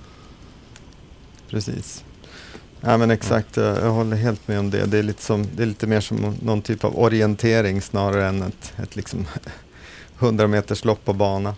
Um, precis som du säger, vet man exakt vart man ska och hur man ska göra för att ta sig dit så, så är det kanske enklare. Då, då blir det snarare ett projekt. Men um, det, det, är när man har mycket stor osäkerhet um, i exakt hur, hur det här kommer att på något sätt hur den här resan kommer att, att te sig som, som det är jättebra att jobba med agila arbetssätt. För det man, det man gör oavsett om det handlar om att skapa en ny process eller en ny tjänst eller en ny mjukvara eller någonting är ju att man, man testar någonting litet. Man har någon slags tanke om någonting. Man testar att göra det. Man ser på, av resultatet vad, hur gick det här och så lär man sig och så bygger man på det. Så det blir liksom mm man bygger en liten kärna och så bygger man ut från det snarare än att man liksom försöker lägga, ja, bara mata av uppgifter som man redan vet behöver göras för att komma till slutmålet. Mm. Mm, mm. Nej, men det tycker jag det känns som en jättebra eh, poäng att ta med sig där just att det, det är det som du just beskrev Leif, liksom grunden i den här kanske agila principen då, men sen kommer den att kunna tillämpas på, på olika sätt för att mm. du kan ju på ett eh, agilt sätt utforska en väldigt en mer abstrakt fråga, så vi pratar utifrån innovationsledningssystemet som du jobbar liksom strategiskt med eh, nu, din kultur, låt säga. Då kan du jobba liksom att vi vill ha den här outputen, det är så här vi skulle vilja, nu testar vi det här och ser om det kan skifta ett beteende. Ja, men då har vi mm. jobbat agilt liksom på det lagret. Mm. Sen så jobbar man agilt med att testa idéer kring någonting som är liksom design, en process kanske bara. Eller så ner på mjukvarulagret, man gör verkstad och ska göra ut någonting, så kan man också applicera det här Precis. agila. Men Mm. så jag, tror, jag tror att det är väldigt bra att eh, hjälpa lyssnarna och att lyssnarna kan hjälpa andra att hålla isär de här olika så att man inte bara slappar en stor stämpel och säger att vi, vi, allt vi gör är agilt. Det måste vara agilt, snabbrörligt liksom. Mm. Eh, för då håller man inte riktigt isär begreppen där så tror jag inte att man heller riktigt kan få till, få till de processerna. Nej men precis, för man kan ju, ehm, man kan ju vara snabbrörlig utan att i alla fall medvetet använda ehm, agila metoder så att säga. Eh, Ja, verkligen. men, men det kanske blir någon typ av agilitet ändå. Men vi, brukar ju, och, och det är ju någon form av agilt ändå, men vi har ju ganska, i ganska mycket av det vi gör på Hello Future försöker vi sätta, vi brukar prata om en puls för någonting. Eh, att, att vi snarare än att planera långt fram så sätter vi ett, ett format på ett möte som är återkommande med en viss puls. För då vet vi att vi driver saker framåt så fort som möjligt.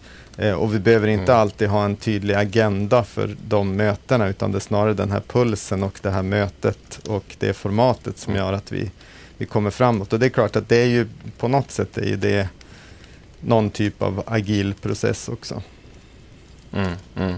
Nej, men så som sagt, det, det går att se det på må många olika sätt. Så där. Jag vet, jag jobbade bara ett tag som jag jobbade med liksom ett industribolag, alltså man, tänk ett traditionellt industribolag, skogsrelaterat, som, där de skulle beskriva, när vi kom in, skulle beskriva sin nuvarande strategi och så här, liksom att ja, vi ska vara det mest agila bolaget liksom, eh, Mm. i, i vår sektor. Man var oj! Och så sen när de beskrev vad de menar med det så var det med att vi ska vara väldigt snabba på att reagera på det som händer. Om det här händer, då ska vi snabbt skicka ut en pressrelease kanske. Bara, Ja, o- o- okej, alltså, okej, ni, ni ska vara liksom väldigt responsiva, men ni, ska ju inte, ni pratar ju inte om att ni är agilt, så som i mitt Nej. huvud. Men jag tänker att det är så som många begrepp som blir populära, så blir det att de blir väldigt breda och kommer att betyda väldigt mycket, så att säga.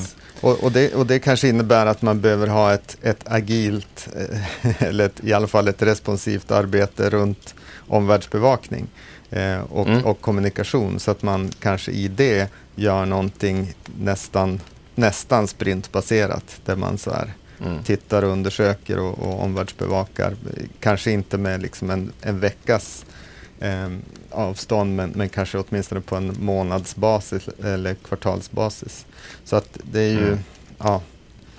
Det ska bli spännande att läsa Marias bok. Vi, vi får säkert lära oss Ja. mycket och som sagt, det är in, inget, eh, inget poddår utan att Maria är hos oss som gäst. Det, det ska bli jättekul att få höra mer om hennes, hennes nya bok. Och som sagt, jag älskar hennes begrepp just där att loopa sig fram. Jag tycker det, det, det borde hon, hoppas hon behåller det för det, det är ett jättebra beskrivning på vad det är man gör egentligen. Verkligen. Och då ett annat begrepp som jag plockade upp från, jag tror det var första avsnittet hon var med och pratade ju väldigt mycket också om det här med eh, målsökande eh, versus eh, målstyra. Då tror jag var hennes motsättning som hon drog upp där. Och det också, tror också att eh, ett sånt där bra enkelt begrepp att ta med sig. Att när Precis. det är liksom någonting som sö- söker efter sitt mål, att det finns det här utforskande måttet, då är det en annan process som, Ja, som behövs till. Och vi, vi, har- vi pratar mycket om kompass, eh, att man använder den här visionen som en kompass. Man, det är inte en karta exakt hur du ska gå utan det är en kompass som visar en riktning. Men ibland står det någonting i vägen så du behöver liksom kliva runt eller över eller under eller ta det runt liksom Mm. det på något sätt. Men, men du har ändå den här kompassriktningen eh, kvar, Mm. liksom, om vilket håll du ska gå. Det, det tycker jag är en bra beskrivning också på vad det handlar om. Att det, det, inte, det kommer inte att beskriva att du ska gå 15 steg till vänster, kliva upp två trappor, öppna dörren där, gå igenom det, utan det kommer att vara, Mm. okej, ni ska åt det här hållet, liksom, lista ut hur ni tar dit. Vi vet Mm. inte hur lång tid det tar, för vi vet inte hur terrängen ser ut, men, men hit ska vi.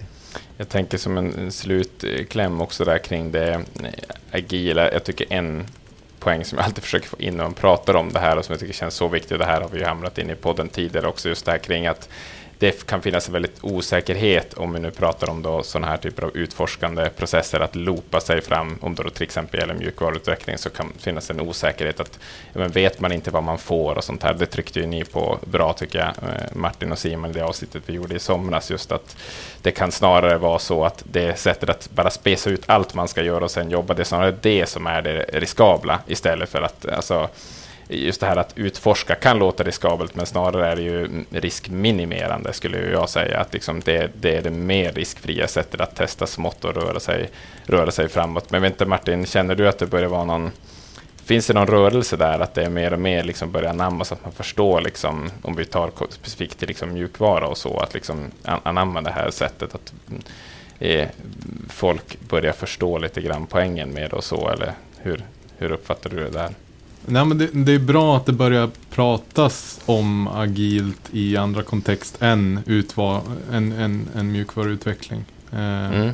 För det, det kommer ju hjälpa eh, då till när man kommer i en situation där man ska eh, göra något större okänt projekt, typ ett mjukvaruprojekt. Att liksom förstå eh, och lita mer på processen. Och, men, men mm. det enda, och det är jättebra för då får man ju också, alltså om man börjar applicera en, en agil modell i ett bredare kontext så får man ju också liksom möjlighet att testa på det i lite mindre format som är lite liksom lägre risk om det är liksom mm. eh, mindre uppgifter. Så, att, så att det är jättebra att, att, att, få in en agil process eh, i grunden i bolag så att, mm. så att man vet egentligen. För att man är annars så van, tänker jag, de flesta bolag att det är liksom så, så detaljstyrt eller så specificerat allting. Det, det är input Precis. och det, det, ska vara output. Mm. Liksom. Det är plan, planbaserat helt enkelt. Ja. Jag, jag tänker att du har gjort mycket sådana väldigt bra insatser Martin, där, där du har lett ett agilt arbete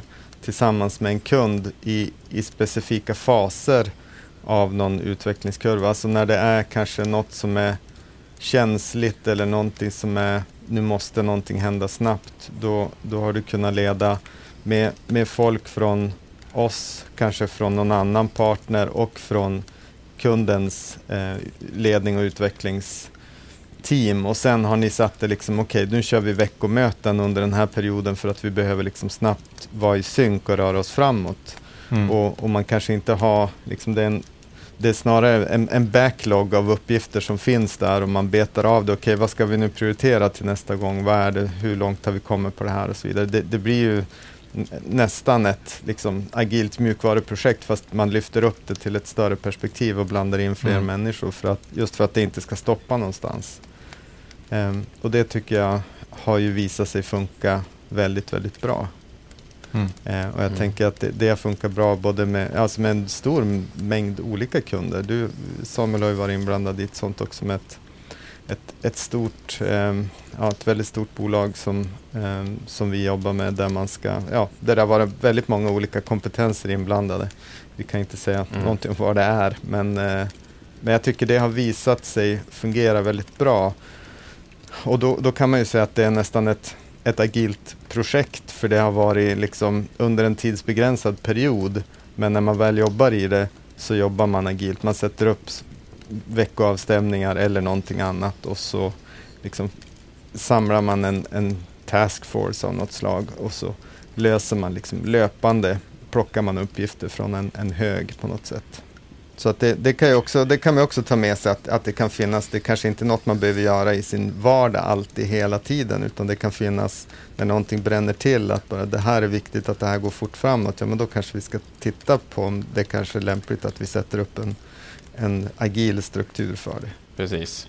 Att bryta ner det och applicera mera eh, rätt process på rätt ställe så att säga istället mm, för att mm. bara slänga sig med de här. Och det kanske är lite den painen som Maria har upptäckt, för att knyta tillbaka till det, när hon säger vadå agilt, att hon ska skriva en bok som verkligen är som en receptbok, att komma ner på den nivån. Exakt hur är det ni menar att vi ska göra då i olika situationer? Lite som du är inne på här, mm. Leif. Mm. Ja, jättespännande och eh, ett ämne vi garanterat kommer att beröra i podden vidare under 2022. Eh, jag tänkte att vi slänger in Eh, nästa julkort här. Eh, häng kvar Leif och Martin så ska vi få höra en hälsning från eh, i alla fall två tredjedelar av teamet på Malmö Civic Lab som ju definitivt passar in på temat att röra sig snabbt och eh, målsökande. Så vi ska höra deras hälsning här. Så det här är Måns från Malmö Civic Lab eh, och eh, ni hörde oss eh, senast i det ja, det måste ju varit det näst sista avsnittet inför jul här, eh, där jag, Emma och Timo eh, pratade om eh, vår lilla verksamhet nere för Malmö stad och hur vi jobbar med design, teknik och business för att få det offentliga att röra sig snabbare framåt helt enkelt. Vi skulle bara vilja önska er alla en supergod jul och ett gott nytt år. Och som en inblick inför 2022 så vill vi skicka med en passning Eh, kring verktyg som vi kallar, eller liksom uppsjö verktyg som är no-coding tools. Uh, som vi har använt extremt mycket under de senaste tre åren. Vi har jobbat för Malmö stad för att snabbt kunna röra oss framåt. Och jag ska bara passa över till Timo. Varför tycker vi No Coding Tools är så oerhört viktigt, Timo? Yeah, um, Timo here. Uh, the No Coding Tools, I think No Coding and Low, low Coding um, are a great way to explore and build prototypes very very fast. I think you have the advantage over like wireframing or other prototyping tools that you actually build something that can be used in real life with real data uh, so you can actually get feedback on if your hypothesis uh, works or not um, there's many different ways uh, to do that out there there is from Microsoft's Power Automate suite that we've been using a lot to build different things, but there's also tools like Retool that can even be run on premise. So there's also no issue in terms of data integrity and uh, having issues with the Cloud Act or anything. So you can run them locally, and we get to places where even we can say that the low coding tools are actually good enough for us to build small systems that can run in production. So it's beyond prototyping. So uh, I can recommend looking into it. There has a lot has changed from where they've been a couple of years ago and where they're now. And me personally, I'm an engineer, so I can also recommend for engineers to look into them because they're not just a tool for people that can code to suddenly build something, but also for programmers or coders to actually build prototypes way faster than reinventing the wheel from scratch over and over. Cool. Tusen tack Timo och tusen tack där ute för alla som lyssnar och ett gott nytt år. Vi hörs och ses. Hej! Tack så mycket och god jul till er med Måns och eh, Timo och ett gott nytt år. Eh, jag tänker att vi kanske börjar eh, här i den änden. Eh, Timos och, och lyssnar man på det här avsnittet då eh, med Malmö Civic så fick man lära sig att han är ju eh, tysk då i grunden men har bott i Sverige länge men därav körde han ju inslaget på engelska där. Men han pratade och tipsade oss, två konkret nämnde han här då eh, sådana här eh, no eller low coding tools. Så jag tänker bara rent mm. eh, begreppsmässigt, vad, vad, menar man med det egentligen? För det här, det här, begreppet ska jag säga också har förvirrat mig lite grann när man säger ett no coding tool. Alltså ett verktyg som man inte behöver programmera och vänta nu, är inte det alla verktyg då plötsligt? Eller vad menar man egentligen? Vet du, Martin, vill du hjälpa oss att liksom reda ut vad man menar när man pratar om sådana här no och low coding tools? Eh, jo, men det är väl att på något sätt man kan skapa ett, eh, ett verktyg som, som löser ett problem för någon utan att behöva ha eh, utvecklingskompetens. Alltså typ, eh, du vill kunna göra en hemsida men mm. du vet inte hur man utvecklar en webbsida. Men då finns det verktyg för att du kan skriva in texten, du kan skapa liksom contentet till det. Eh, och så mm. bygg, byggs, liksom presenteras webbsidan upp ur det contentet. Mm. Det är väl det. ett bra exempel på ett, ett mm. sånt typ av verktyg. Precis. Och det känns lite som att har man vuxit upp med, i alla fall jag då i min, eh, mitt åldersspann, har vuxit upp med internet och datorer och sådär, så finns det ju extremt mycket som man först när man var tio år fick man lära sig lägga in lite taggar och sånt här för hur man fick fet text och sånt där, som har mer övergått till bara klicka bara på den här knappen eller dra den här dit, då får du en sån och liksom, så där har man så sett någon sorts resa saker har gått från att man behöver kunna kod eller HTML eller på något sätt göra någonting på baksidan men nu räcker det bara med att dra och fixa så, så löser det sig. Och det har ju väldigt eh, frigjort extremt mycket eh, kraft, tänker mm, jag. Till, inte minst jag själv då, som en sån som inte kan koda, men det frigör väldigt mycket ja, men kreativ kraft, innovationskraft liksom i, eh, för Teams att jobba med sådana här tools. Så jag tycker att det är ett väldigt bra tips. Och det känns ju som något som vi har börjat plocka upp mer och mer också. Ja, ja verkligen. Vi, vi jobbar väldigt mycket med det här, men jag skulle nog säga att vi, vi använder sällan begreppet. Vi, vi pratar nog mm. väldigt lite om, om att vi nu ska vi ta fram ett no-code-verktyg, men, men hela vårat det man normalt skulle kalla ett, ett affärssystem, eh, vår affärslogik på Hello Future, den, den stöttas ju med ett vi, vi använder ett verktyg som heter Airtable då, som är ett, ett slags databas, eh, ett Excel med, med kraftfulla databasfunktioner som man kan koppla till annat. Eh, så vi använder ju det för, för väldigt mycket saker och där även om det ofta är du Martin som gör de grejerna så är det ju inte riktigt kod, men det är mycket logik mm. och, och, så. Mm. Det, det, hjälper ju om man, om man har bra koll på databasstrukturer och så, är, är ju alltid en fördel. Men mm. även Notion mm. har vi använt jättemycket här sen, sen pandemin kom och vi blev helt um, distansarbetande. Så jag menar, där har ju du Samuel gjort otroligt mycket saker i, i Notion. Nej, men Notion är ett sånt, ett sånt jättebra exempel på ett verktyg som när man då som jag verkligen kommer från den här, jag är väl lite småintresserad av hur det här med kodning och sånt fungerar, men det är verkligen inget jag har i min verktygslåda mer än att göra då liksom kanske fet text och lägga in en länk och sådana här saker som jag tänker att många lyssnare kanske ungefär där deras gräns går. Men där känner man ju plötsligt, oj vad mycket jag kan göra med det här verktyget. Dels att bara lägga upp något som snabbt, vi använder det ofta när vi gör nu våra digitala workshops och sånt här, bara snabbt kunna lägga upp en liten gemensam kunskapsbas tillsammans med kunden och sånt där då, med lite guidande instruktioner och liksom, vill man lägga in en video, vill man lägga in ett ljudklipp, bara dra in dem, embedda in Miro, Mural, andra whiteboardverktyg så att det bara syns rakt in direkt där. Mm. Och sen också en kraftfull struktur under att kunna koppla upp databaser och filtrera och visa på olika sätt. Och det, är ju, det frigör ju så otroligt mycket kraft, för det är ju någonting som bara för några år sedan, om jag skulle vilja visa, oj, ska vi inte, skulle inte vi kunna ha till exempel ett sånt här verktyg, låt säga, och så kan jag mappa upp någonting i Notion utifrån min idé då. Och det är någonting där jag tidigare kanske hade behövt knacka Martin eller Jonas eller Simon, någon av våra designers, det vill säga då, på axeln eller Tove kanske, som liksom, kan du rita upp det här och visa det fint? Och nu kan jag bara göra det själv och det blir inte snyggt, det blir inte bra, det blir inte motsvarigheten till att Martin skulle ha liksom knackat ihop kod, men då har man den här första idén, någonting som man kan visa och stöta och blöta som kanske verkligen mm. räcker där i stunden som en liten prototyp eller eh, någonting. Då. Så det är jätteintressant. Vi har faktiskt gjort en stor leverans i år till, till en kund som är en prototyp av ett eh, men så du nämnde Leif, lite som ett affärssystem eller mm. liknande, mm. eh, i liknande genre kan man säga. Där vi valde att leverera det rakt i Notion. Just mm. för att nu får ni testa på det här och se, det blir som en MVP. Det här fungerar Precis. för att lösa er uppgift. Det är inte det ultimata, då måste vi sätta oss ner och koda och utveckla. Men för att ens börja testa och se, är det här något ni kommer använda? Vilka funktioner ska ni behöva ha? Mm. Så gör man den första utvecklar man då inom, inom citattecken då liksom en, mm. en, en, eh, en första version i det. Så det är jätte, jättespännande utveckling. Mm.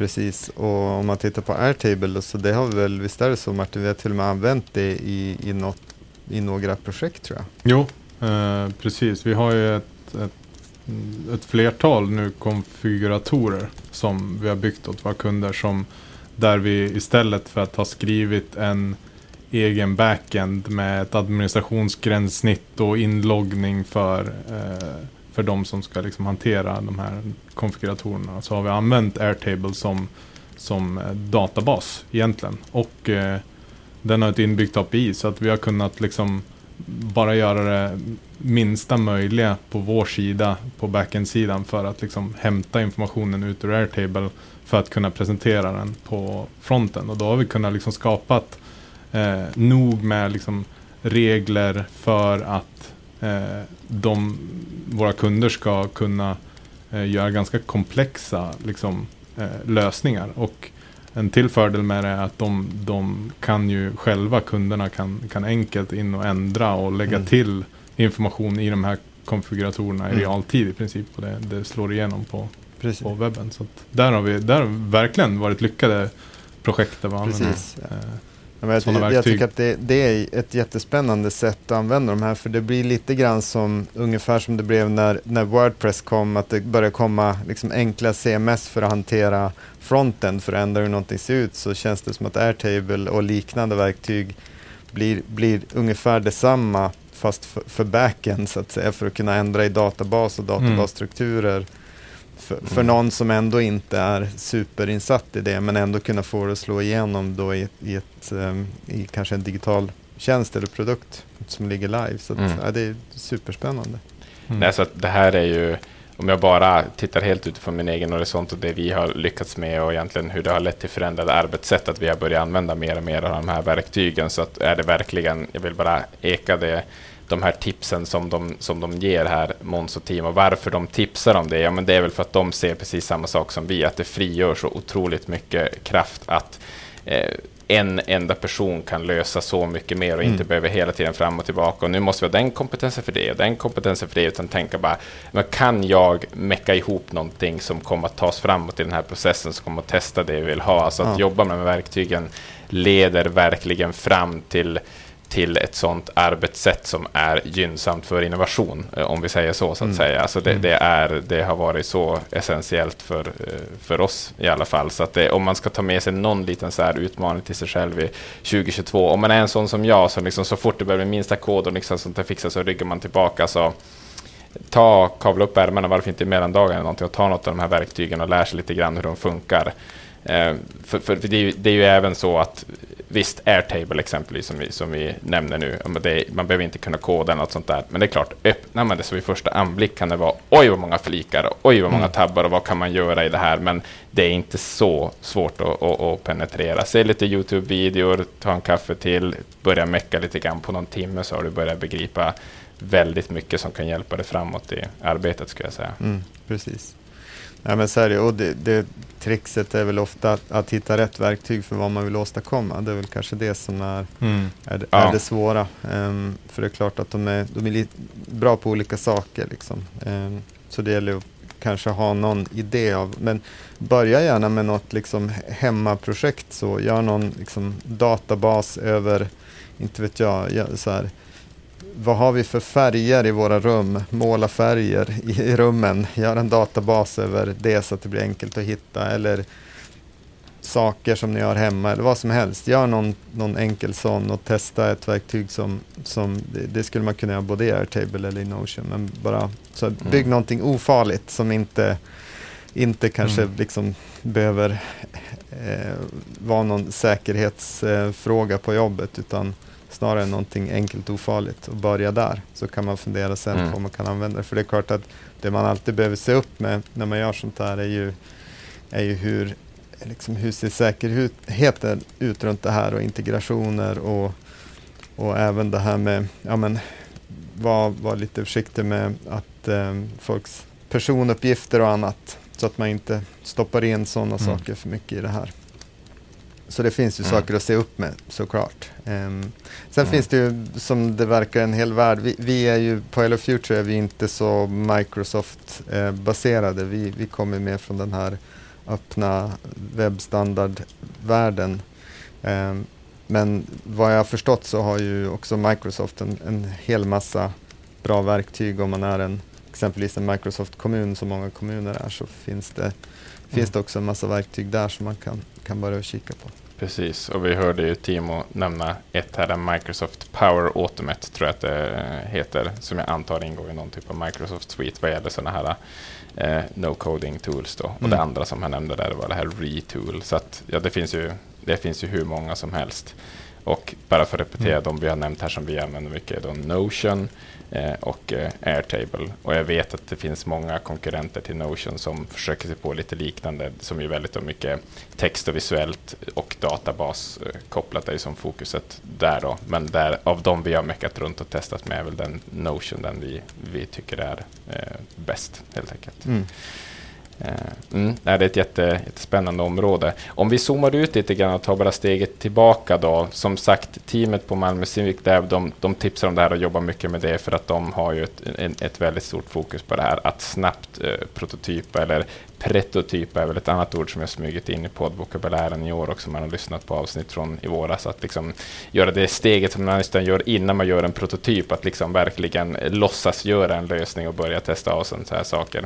Det är sånt som de har väldigt mycket erfarenhet att jobba snabbt som de pratar mycket om här i sista avsnittet här innan jul. Eh, Leif, jag vet ju, du var inte med i det avsnittet, men jag vet att det startade ju mycket tankar hos dig. Det var ett Mm. superspännande avsnitt, verkligen höra hur, hur de jobbar. Vad är lite dina reflektioner kring det vi fick höra dem berätta där från, eh, från MCL-teamet som vi kallar dem? Eh, Ja, men det, det, är, det är jättespännande och jag har haft lite kontakt med, med Måns före och, och efter här och jag, jag beundrar verkligen Mm. deras arbete. Eh, och det, det, finns ett, det finns ganska många, det väcker många tankar. Eh, dels en, en tanke är att jag skulle säga det här med prototyping, de jobbar ju snarare med prototyping på ett mer, nästan tar det mer till traditionellt, alltså att det tekniska prototyper. Att man, man prototyper att det här Mm. verkligen funkar utifrån en teknisk lösning. Um, sen, sen, är det ju inte alltid, i, i ett av exemplen de drog i avsnittet så var ju liksom den tekniska lösningen en cykel, inte en, inte mm. en digital sak. Men, men eh, de jobbar ju mycket med liksom funktionella prototyper snarare än, än, än någon typ av mer upplevelsebaserad prototyp. Mm. Och, och, det de gör egentligen är ju att det, det, som gör det så effektivt är att de på tre personer i ett tight team både är den här liksom labbnivån, om vi tar ett innovationssystem igen, de är både labbnivån och verkstadsnivån. Alltså de bygger ihop de nivåerna så att de i deras lilla team både kan komma fram med, med idéer och koncept men också ta dem till tillräckligt mycket verklighet för att man ska bevisa att det också liksom både desirability och feasibility. Och man tänker också viability, så man alltså det är ju design thinking det här. Eh, liksom Måns mm. är väldigt fokuserad på, på att hitta ett business case som är tillräckligt stort. Att, att spara tillräckligt mycket tid för att det ska vara värt att göra. Eh, mm. Så att, ja, men det är det jag tycker är så häftigt med det, att man, man har det lilla teamet på tre. Och det, det jag tycker man ska ta med sig, eller en sak som man ska ta med sig från deras avsnitt och lyssna noggrant på, det är när de säger att de i det här lilla teamet kan de lösa nästan vad som helst. Alltså det de inte kan, det kan de, det kan de ta reda på och så kan de lösa det. Och, och mm. det tror jag är centralt om man är en annan kommun som tänker att det här, vi ska, det här ska vi kopiera och också göra. Så är det grund, det, det, är grunden i det här. Om man inte har ett, ett sånt litet team som känner att ja, men vi kan lösa nästan vad som helst, då tror jag att det blir svårt att få det att funka.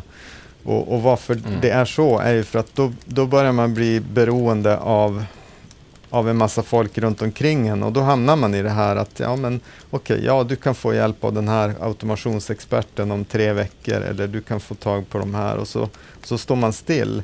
Mm. Och det här tänket som de jobbar efter kommer ju från deras startup-arbete och de kommer från startup-världen.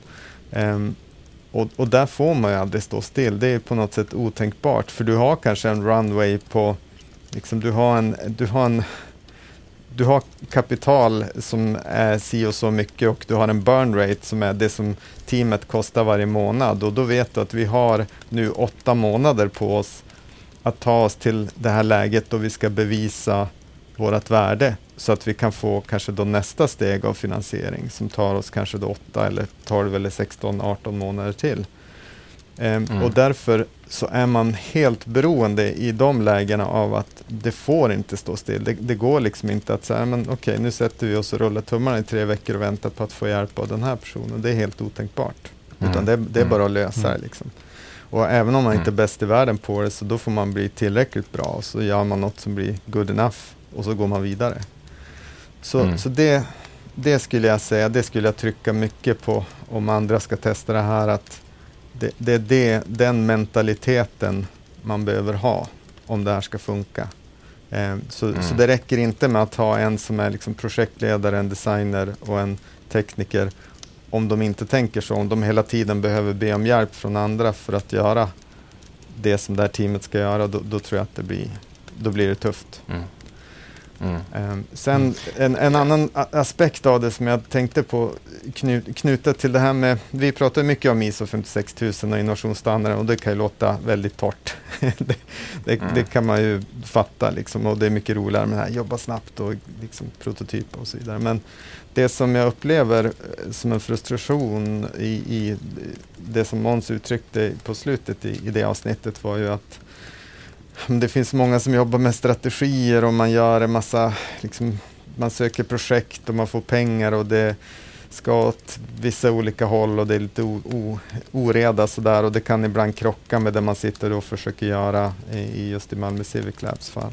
Och jag tror att det, det som man det de saknar i det arbete de gör, det är ju just den här liksom ledningsnivån i ett innovationssystem. Någonting som på något sätt går före och bäddar för det här innovationsarbetet som ska göras. Så att det blir enkelt för många att delta i det och att man tar bort så mycket hinder som möjligt för det och att man också ganska snabbt kan se ja, det här är något vi ska göra eller nej, det här är ingenting vi ska göra. För att det, det, mm. det vet vi av erfarenhet från 13 år nu att det är det är väldigt tufft när man, när man ska göra nytt och inte har, har det stödet eller inte har den, det förarbetet gjort. För det blir, dels blir det svårt att veta att ja, men den här idén vi har nu som vi är supertaggade på, är den, är den rätt eller fel för organisationen? Och då kan man ju titta på det på många olika från många olika vinklar. Den kan ju vara bra ekonomiskt här och nu, men det kanske finns någon på någon annan nivå kanske har tänkt att vi ska åt ett annat håll och då kanske den här idén inte är rätt, även om den skulle spara tid och pengar. Så att det är att få alignment i det, att, att liksom förvaltningsledningen mm. eller avdelningsledningen i de här fallen är på väg åt ett håll som man som innovationsteam vet om. Alltså vi vet att vi ska åt mm. det här hållet och därför så tar vi oss an de här typen av, av uppgifter och problem. Så jag tror att mm. det, det, är också någonting jag skulle kika på om man ska göra det här som en, en stad, försöka kopiera deras, arbet, deras arbetssätt, att också lägga lite tid och energi på, på den ledningsnivån, att verkligen koppla ihop det så man får ett skydd för det här teamet, för det, de är ju väldigt utsatta. Alltså det, det finns ju en, en paradox i att de ska nog vara lite på sidan av för att inte smittas för mycket av, av förvaltandet. För att kunna vara så utvecklande och snabba som en taskforce behöver vara. Eh, men samtidigt är de för mycket annorlunda utanför så kommer de inte att få den här liksom, skyddet och mm. hjälpen i, i att ta bort hinder på vägen. Mm. Så, så, det är, mm. det är en fin balans det där och det, det, är det som egentligen ett innovationssystem ska försöka lösa. Och, och mm, hur det precis. ser ut, det, det, kommer att vara väldigt olika från fall till fall men, men på en systemnivå så är det ju det som man, man ska kom, jobba, jobba efter. Mm. Nej men jättekort så är det det du belyser här väldigt bra är ju som någonting vi också har återkommit till i podden och som det här är ett jättebra exempel på det här glappet som vi brukar prata om med det här innovationslabbet och verkstaden sen att det finns liksom en, en landningsbana mm. in i organisationen och alla de utmaningar som där uppstår och det är någonting jag tänker att vi också kommer vilja gräva vidare med. Och vi, jag vet det är en av de saker vi har på önskelistan nu att planera mer avsnitt som handlar om just den här när man lyckas ta någonting från labbet och föra över det i glappet och vad är de här lyckade faktorerna mm. för att se till att någonting liksom överlever och kommer ner på den här landningsbanan in i organisationen och liksom kan jobbas vidare och, och, och implementeras och accepteras som inte bara har den här innovations satelliten då, som egentligen inte skapar innovationen då, utan som bara gör, tar fram en massa idéer och testar och så sen så kommer det liksom, tar det sig inte vidare till att implementeras. Mm. Det är, ju, ja, det är en jättespännande utmaning. Ja, och det är ju det som är, är tricket när man, när man jobbar med innovation, för att så fort man kommer in i det här att, eh, att föra in att faktiskt implementera så att det blir innovation så är man ju också inne på de här områdena som man kan kalla transformation eller förändring. För att det är en sak om det bara handlar om automatiserade tekniska lösningar som blir mer effektiva. Då, då, är ju, då, då, slipper man ju tänka så mycket på människosidan. Då har man inte så mycket transformation. Då är det mer liksom en, en, en teknisk lösning som kommer att bli överlägsen. Men så fort det förändrar människors vardag eh, och arbete och kanske till och med också förändrar vad de behöver kunna för att göra sitt arbete, då, då är man inne på de här transformations biten och då, då krävs det mycket mer att man, eh, ja, min livsfilosofi är att man inte kan över tid tvinga människor att göra något de inte vill utan man, man behöver liksom jobba med, med andra verktyg. Man behöver locka och visa på varför det här är bättre och folk måste liksom frivilligt välja att gå in i det om man ska få det hållbart. Det, det är jag helt mm. övertygad om och, mm. och, det är ofta det som visar sig i sådana här fall. Att det är ganska svårt om, om vi säger att nu, nu har vi ett nytt smartare verktyg och då ska ni göra så här. Det kan man tvinga folk att göra ett litet tag men när man kommer tillbaka tre månader senare mm. då har det där ramlat isär om de inte tyckte om att göra så. Eller kanske inte mm. såg den större bilden av varför det var viktigt och så vidare. Mm. Det är ju jätteintressant att du kommer in på det Leif, för här knyter tillbaka till någonting som vi redan har varit inne på den här julpodden, eller satt andra på era stolar så att säga, just det här med det, det, är ändå någonstans att det måste komma från ett emotionellt och ett äkta driv och att det finns personer som har kunskapen men också viljan att genomdriva och göra de här sakerna, att kavla upp ärmarna lära sig ut på nya områden, liksom verkligen brinner för att, för att göra de här sakerna. Annars kommer det inte att hålla hur mycket systematik och processer och sånt du än har och hur mycket du än har rätt ut begreppen så är det ju till syvende och sist är det människor som ska utföra det här. Så det är ju det är något man verkligen inte, inte får glömma bort. Och jag tycker bara på det eh, temat och det som du nämnde tidigare Leif, att eh, ja, men, eh, ja, men på det här med det teamworket och nyckeln i hur de jobbar i Malmö Lab, mm. att de är tre personer och mellan dem så kan de lösa allting. Och jag, jag tycker bara det är en sån eh, någon, någonting jag önskar mig ännu mer av 2022 och alltid liksom bara så här, det, det, är en sån mäktig känsla när man sitter, låt säga man är tre personer som, som de är, om det är du och jag Martin och sen någon till kompetens hos oss. Och så man känner bara liksom att mellan de paletter vi har plus den viljan att bara okej, okay, jag kastar mig in och testar det här nya verktyget, vi löser det liksom. Det är bara så mäktig känsla då när man får ut och löser någonting. Och det kanske inte var det optimala man hade tänkt i början men du meckade någonting med det och sen använder du någonting som du är bra på där och så får man ihop någonting.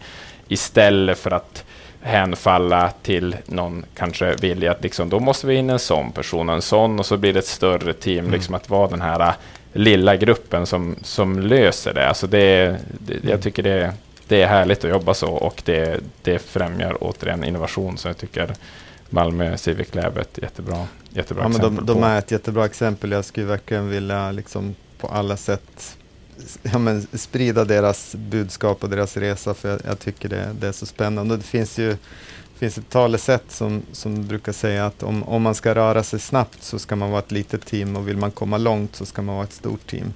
Eh, och, mm. och, det tycker jag är ganska talande här för det, det som det de försöker göra egentligen då i, i ett offentlig sektorperspektiv är ju att röra sig snabbt. Att få in den aspekten av det för att eh, offentlig sektor och sättet som man traditionellt jobbar där är gjort för att saker ska funka länge, alltså att ta någonting långt. Men, men mm. att, att förändra någonting snabbt är, är, inte det man traditionellt har varit, varit bra på. Så att just hitta de här sätten som också kan göra, ja men här kan vi bevisa en snabb omställning, så kan vi liksom koppla på det här liksom mer ja, men långsiktiga, nu, nu kanske det inte, jag tyckte de sa det bra också i det avsnittet, att det kanske inte handlar så mycket om att vi är i ett state nu och vi ska hitta ett annat state. Det andra statet är konstant utveckling, för, för det är det vi ser också. Eh, att det mm. som, bara för att man bygger någonting smart digitalt så är man ju inte färdig. Alltså, det, ju, det, behöver ju på, på, tre år kan ju det vara, vara liksom uråldrigt. Utan man hamnar ju snarare, det, det nya, ett nytt state det är ju snarare en, en, ja, vi brukar prata om det som istället från ständiga förbättringar till ständig innovation. Att vi kommer mm. liksom hela tiden att utsättas för det här att vi behöver göra nya saker. Inte bara förbättra det vi har utan faktiskt göra nya saker. Eh, och det är bara att titta på titta på oss själva. Liksom. Det, det sättet vi jobbar på idag och med de verktygen vi jobbar liknar nästan ingenting av vad, hur vi jobbade för tre år sedan på Hello Future. Om någon som jobbade hos oss för tre år sedan hade varit hemma i tre år och kommit tillbaka idag så skulle de inte känna igen sig alls. Och, och jag Nej, tror att det, det, det, det är så det, nu, nu är vi kanske extrema i det fallet för vi, är, vi jobbar ju 100% med utveckling. Det är ju liksom, det, är det vi gör. Men jag tror att det här utifrån, kanske inte på samma extrema sätt, men, men det här kommer att färga av sig på allt och alla. Det är det digitaliseringen gör, att vi får liksom, så fort någon, en stor upptäckt händer inom exempelvis AI så, så händer ju det överallt. Alltså då, då sprids ju det till all, allting som har algoritmer i sig mm. blir ju då så mycket bättre. Liksom. Så att det, det, slår ju på ett annat sätt än vad det kanske gjorde förut och saker var mer liksom branschspecifika och det kanske utvecklades fort i en bransch men inte i någon närliggande. Men idag, idag funkar det inte så. Vi är mycket mer liksom, nätverkssammankopplade vilket gör att, att de här, det är därför de här utvecklingstakten går så jäkla fort. Mm nej, det är intressant att sätta tillbaka, eh, liksom rikta strålkastaren mot, mot oss själva och fundera på hur, hur, hur, hur mycket som förändras och sådär. Martin, tänker du får slutordet i det här segmentet. Hur, du har ju varit med ett bra tag i Future. Hur, hur tycker du det funkar egentligen? Vad är det här? Det är konstant rörligt, konstant innovation, ständig innovation sa du Leif, istället för ständig förbättringar. Eh, är, det ett, är det ett bra sätt att jobba Martin? Kan du rekommendera Nej, det här till lyssnarna? Det, det är spännande och det känns ju hela tiden som att vi, vi hittar nya och bättre sätt att jobba på. Vi, vi blir hela tiden liksom bättre på att, på att förstå när vi möter nya verktyg hur vi kan applicera dem eller om vi kan applicera dem in i hur vi styr vår organisation nu. Så att det är liksom ju mer man övar på det desto bättre blir man. Desto mer snabbfotad blir man. Det blir som en, en, eh, en loop där också mm. på något vis. Ja, ja verkligen. Ja, nej, det är sant det också. För att knyta tillbaka till de här verktygen och så som, som eh, Timo tipsade här, att just att eh, har man liksom inte det här grundfundamentet hur man jobbar och lite vart man ska, då är väldigt svårt att veta. Man ser nya verktyg, man ser nya kanaler och sånt här man ska använda, så vet man inte alls hur det passar ihop. Det är ingen som känner sig riktigt kanske manad att ta tag i det. Men när man är på det här liksom positivt snurrande djuret så känner man bara plötsligt logiskt hur allting passar in eller hur det inte gör det och sådär. Och det, det mm. accelererar verkligen utvecklingstakten på ett bra sätt. Ja, superspännande. Eh, finns mycket att eh, gräva i här. Men eh, vi ska lyssna på faktiskt nu vårt sista par av eh, julkort här. Och eh, i och med att vi lyssnar på dem så får vi tacka dig så hemskt mycket Martin för att du eh, dök upp här. Och eh, god, god ja, jul till dig. God jul! Och eh, vi lyssnar på eh, två hälsningar som kommer efter varandra här för att vi tycker att de sitter ihop så pass mycket från Remote Lab, eh, Maria och Jenny som ni hörde i ett avsnitt här i november. Så vi ska höra vad de hade att hälsa till er lyssnare. Min kanske främsta reflektion från året som gått är att samhället verkligen har omfamnat distansarbete och den frihet som man ser följer med det. Och kanske framför allt så har vi omfamnat den här förändringen som individer. Vi har verkligen ställt oss frågan, vad vill vi egentligen? Vad mår vi bra av? Hur vill vi leva våra liv? Och i spåren av de här frågorna så har vi också sett en stor förflyttning av människor och kompetenser. Och tittar man framåt och in i 2022 så hoppas jag att det blir året då samhällets strukturer också omfamnar distansarbete. Och vi har ju sett i slutet av det här året till exempel att Skatteverket har gått ut med nya ställningstagande kring tjänsteställe. Och det kommer få eh, väldigt positiva effekter på distansarbete framöver. Den typen av arbete är jätteviktigt. Och det innovationsarbete som jag kanske främst hoppas på för nästa år är just därför på samhällsnivå. För att se hur vi kan möta medborgarnas önskan om eh, ett långsiktigt välmående och en annan balans i livet. Och hur påverkar då den här nya logiken hur vi ser på infrastruktur till exempel nationellt? Hur påverkar det hur vi ser på service runt om i landet? Hur skapar vi förutsättningar för människor att mötas, hitta relevanta sammanhang som bygger välmående? Hur ser vi till att uppmuntra och stödja den samhällsförändring vi ser? Och hur kan man dra mest nytta av den? Och där någonstans så hoppas jag se de stora innovationerna nästa år och framåt. För väldigt många människor har pandemin öppnat upp en insikt om hur man faktiskt vill leva sitt liv. Och vi ser att rörelser som The Great Resignation men även flyttmönster ut från de större städerna i såväl Sverige som Norge och Finland och Danmark men också många fler länder som då väldigt påtagliga exempel på att människor i större utsträckning faktiskt väljer en hållbar livsstil för sig själva snarare än att man som tidigare prioriterar arbetslivet först. Och socialt hållbara människor kommer ju att krävas för att kunna genomföra den här transformationen som vi behöver göra till ett mer miljömässigt hållbart samhälle. Och vi kan också se en tillämpning av lagstiftning som nu börjar hänga med i större utsträckning och faktiskt då möjliggör ett skifte nu så sent som förra veckan gick Skatteverket ut med ett nytt ställningstagande som gör det möjligt att organisationer eh, kan tillämpa ett mer flexibelt arbetssätt. Så sakta men säkert börjar förutsättningar för att bryta vår 8-5 cubicle att falla på plats. Till 2022 tar jag med mig en sjukt stark tro på att vi börjar så sakteliga värdera saker högt som tar oss i rätt riktning. Vårt jobb med till exempel Samverket är ett ofantligt bra exempel på det, där offentliga aktörer tillsammans i en innovations och coworking-hub för just offentlig sektor då våga ge sig ut i okända lösningar på komplexa samhällsutmaningar. Och när människor börjar ta ansvar för sina egna liv, sina egna utmaningar, sina egna uppdrag på ett öppet och nyfiket och inlyssnande sätt, då kommer magin att spraka och det tror jag väldigt mycket på under 2022. Det är så fruktansvärt spännande tider vi lever i nu och det kommer sjungas sånger om det här i framtiden. Och tänker att vi får vara med just här och just nu. Ja, spännande, spännande. Magi kommer spraka, de kommer sjunga sånger om det här. Det är verkligen så här äh, eh, ja, men inspirerande och positiva eh, framåtblickar som vi får höra här från Jenny och Maria. Stort tack till er och eh, god jul och tack för att ni var med i podden också. Eh, vi är framme vid vårt sista segment här. Leif sitter kvar. Johan, du är tillbaka eh, mm. på din stol där det har hunnit sitta några andra.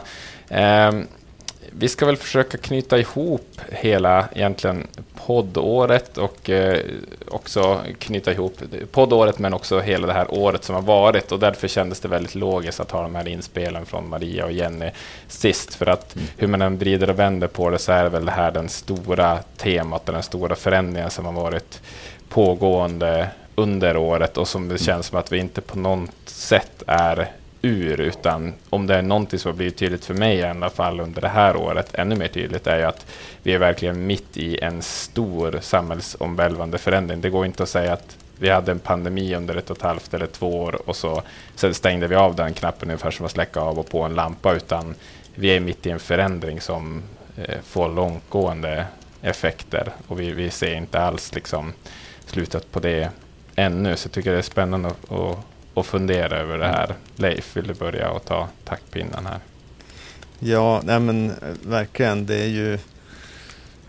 Jag, jag hoppas ju, jag, jag, drog det i något avsnitt här som jag, det, jag och Johan gjorde här tidigare i höst där vi pratade om, om eh, distansarbete och, och, nya arbetssätt och så vidare. Att, att jag hoppas verkligen att, eh, att man tar med sig av det här osäkra 2021 att eh, det, det, är klokt att vara beredda på, på att saker kan hända och, och, kanske att mer och mer börja tänka att ändå, ja, men distansarbete kanske är någonting som vi ska ha som en grund ändå, även om inte jag, jag tycker de, de sa det väldigt bra eh, tidigare i poddavsnittet där också runt eh, att man kan ju ha, även om man sitter tillsammans kan man jobba som distansarbetande. Mm. Alltså man, man, kan ha alla verktygen, alla arbetssätten för det oavsett om man sitter på samma mm. kontor eller om man sitter utspridda. Och det tycker jag är ett bra, bra tankesätt. Eh, att man, man försöker ha det så. Att jag gör det okej okay för, för alla att, att ansluta vart ifrån de är oavsett om de är i rummet bredvid eller om de är 100 mil bort eller om de är 1000 mil bort. Att bara mm. tänk, mm. tänk, på det så, så, så kommer det att bli bra.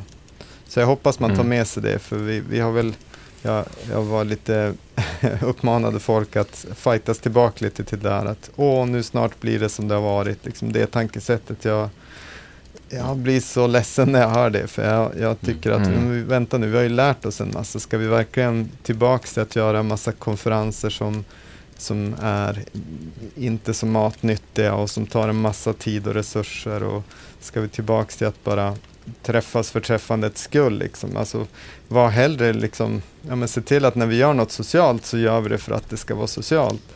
Eh, och när vi gör något för att det ska vara vara maximalt lärande, då, då, då gör vi det för att det ska vara lärande och så vidare. Att vi har en tydlig intention med det vi gör och så gör vi det mm. eh, med det bästa formatet för just det. Istället för att försöka mm. ha någonting som är sådär ja men så här gjorde vi det förut och det tyckte jag var jättekul så nu fortsätter vi göra det så. Ba, utan att mm. på något sätt reflektera om det faktiskt är effektivt att göra det på det viset.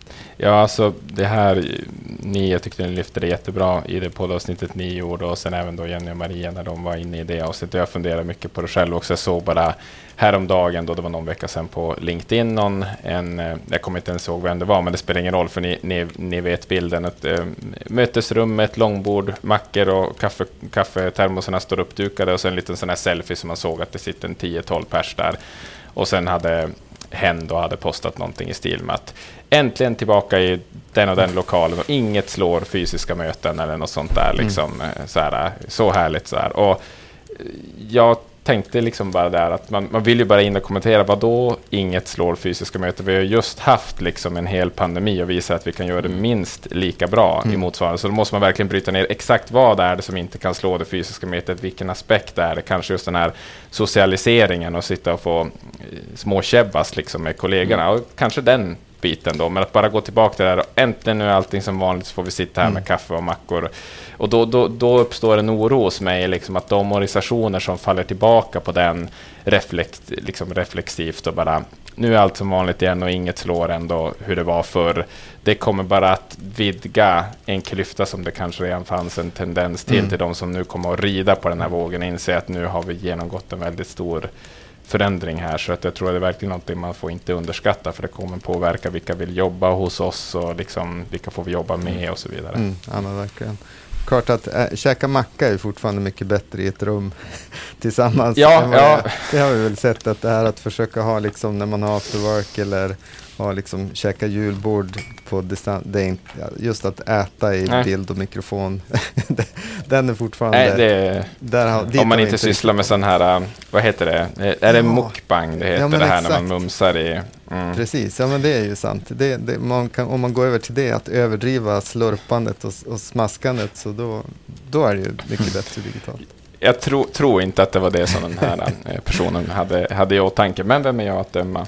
Men eh, Johan, jag tänker du, du är ju lite mitt inne i, i den här också. Mm. Alltså, du har eh, skiftat mellan olika kontorslösningar och du har en mm. flytt någonstans på horisonten och sådär. Jag vet inte hur, mm. hur det här året, hur har du börjat fundera, bara tänker för, för egen del på din egen så här var är jag? Vem är jag? Hur jobbar jag? Alltså, hela den här, alltså för de är inne på det, den här sociala hållbarheten och verkligen ja.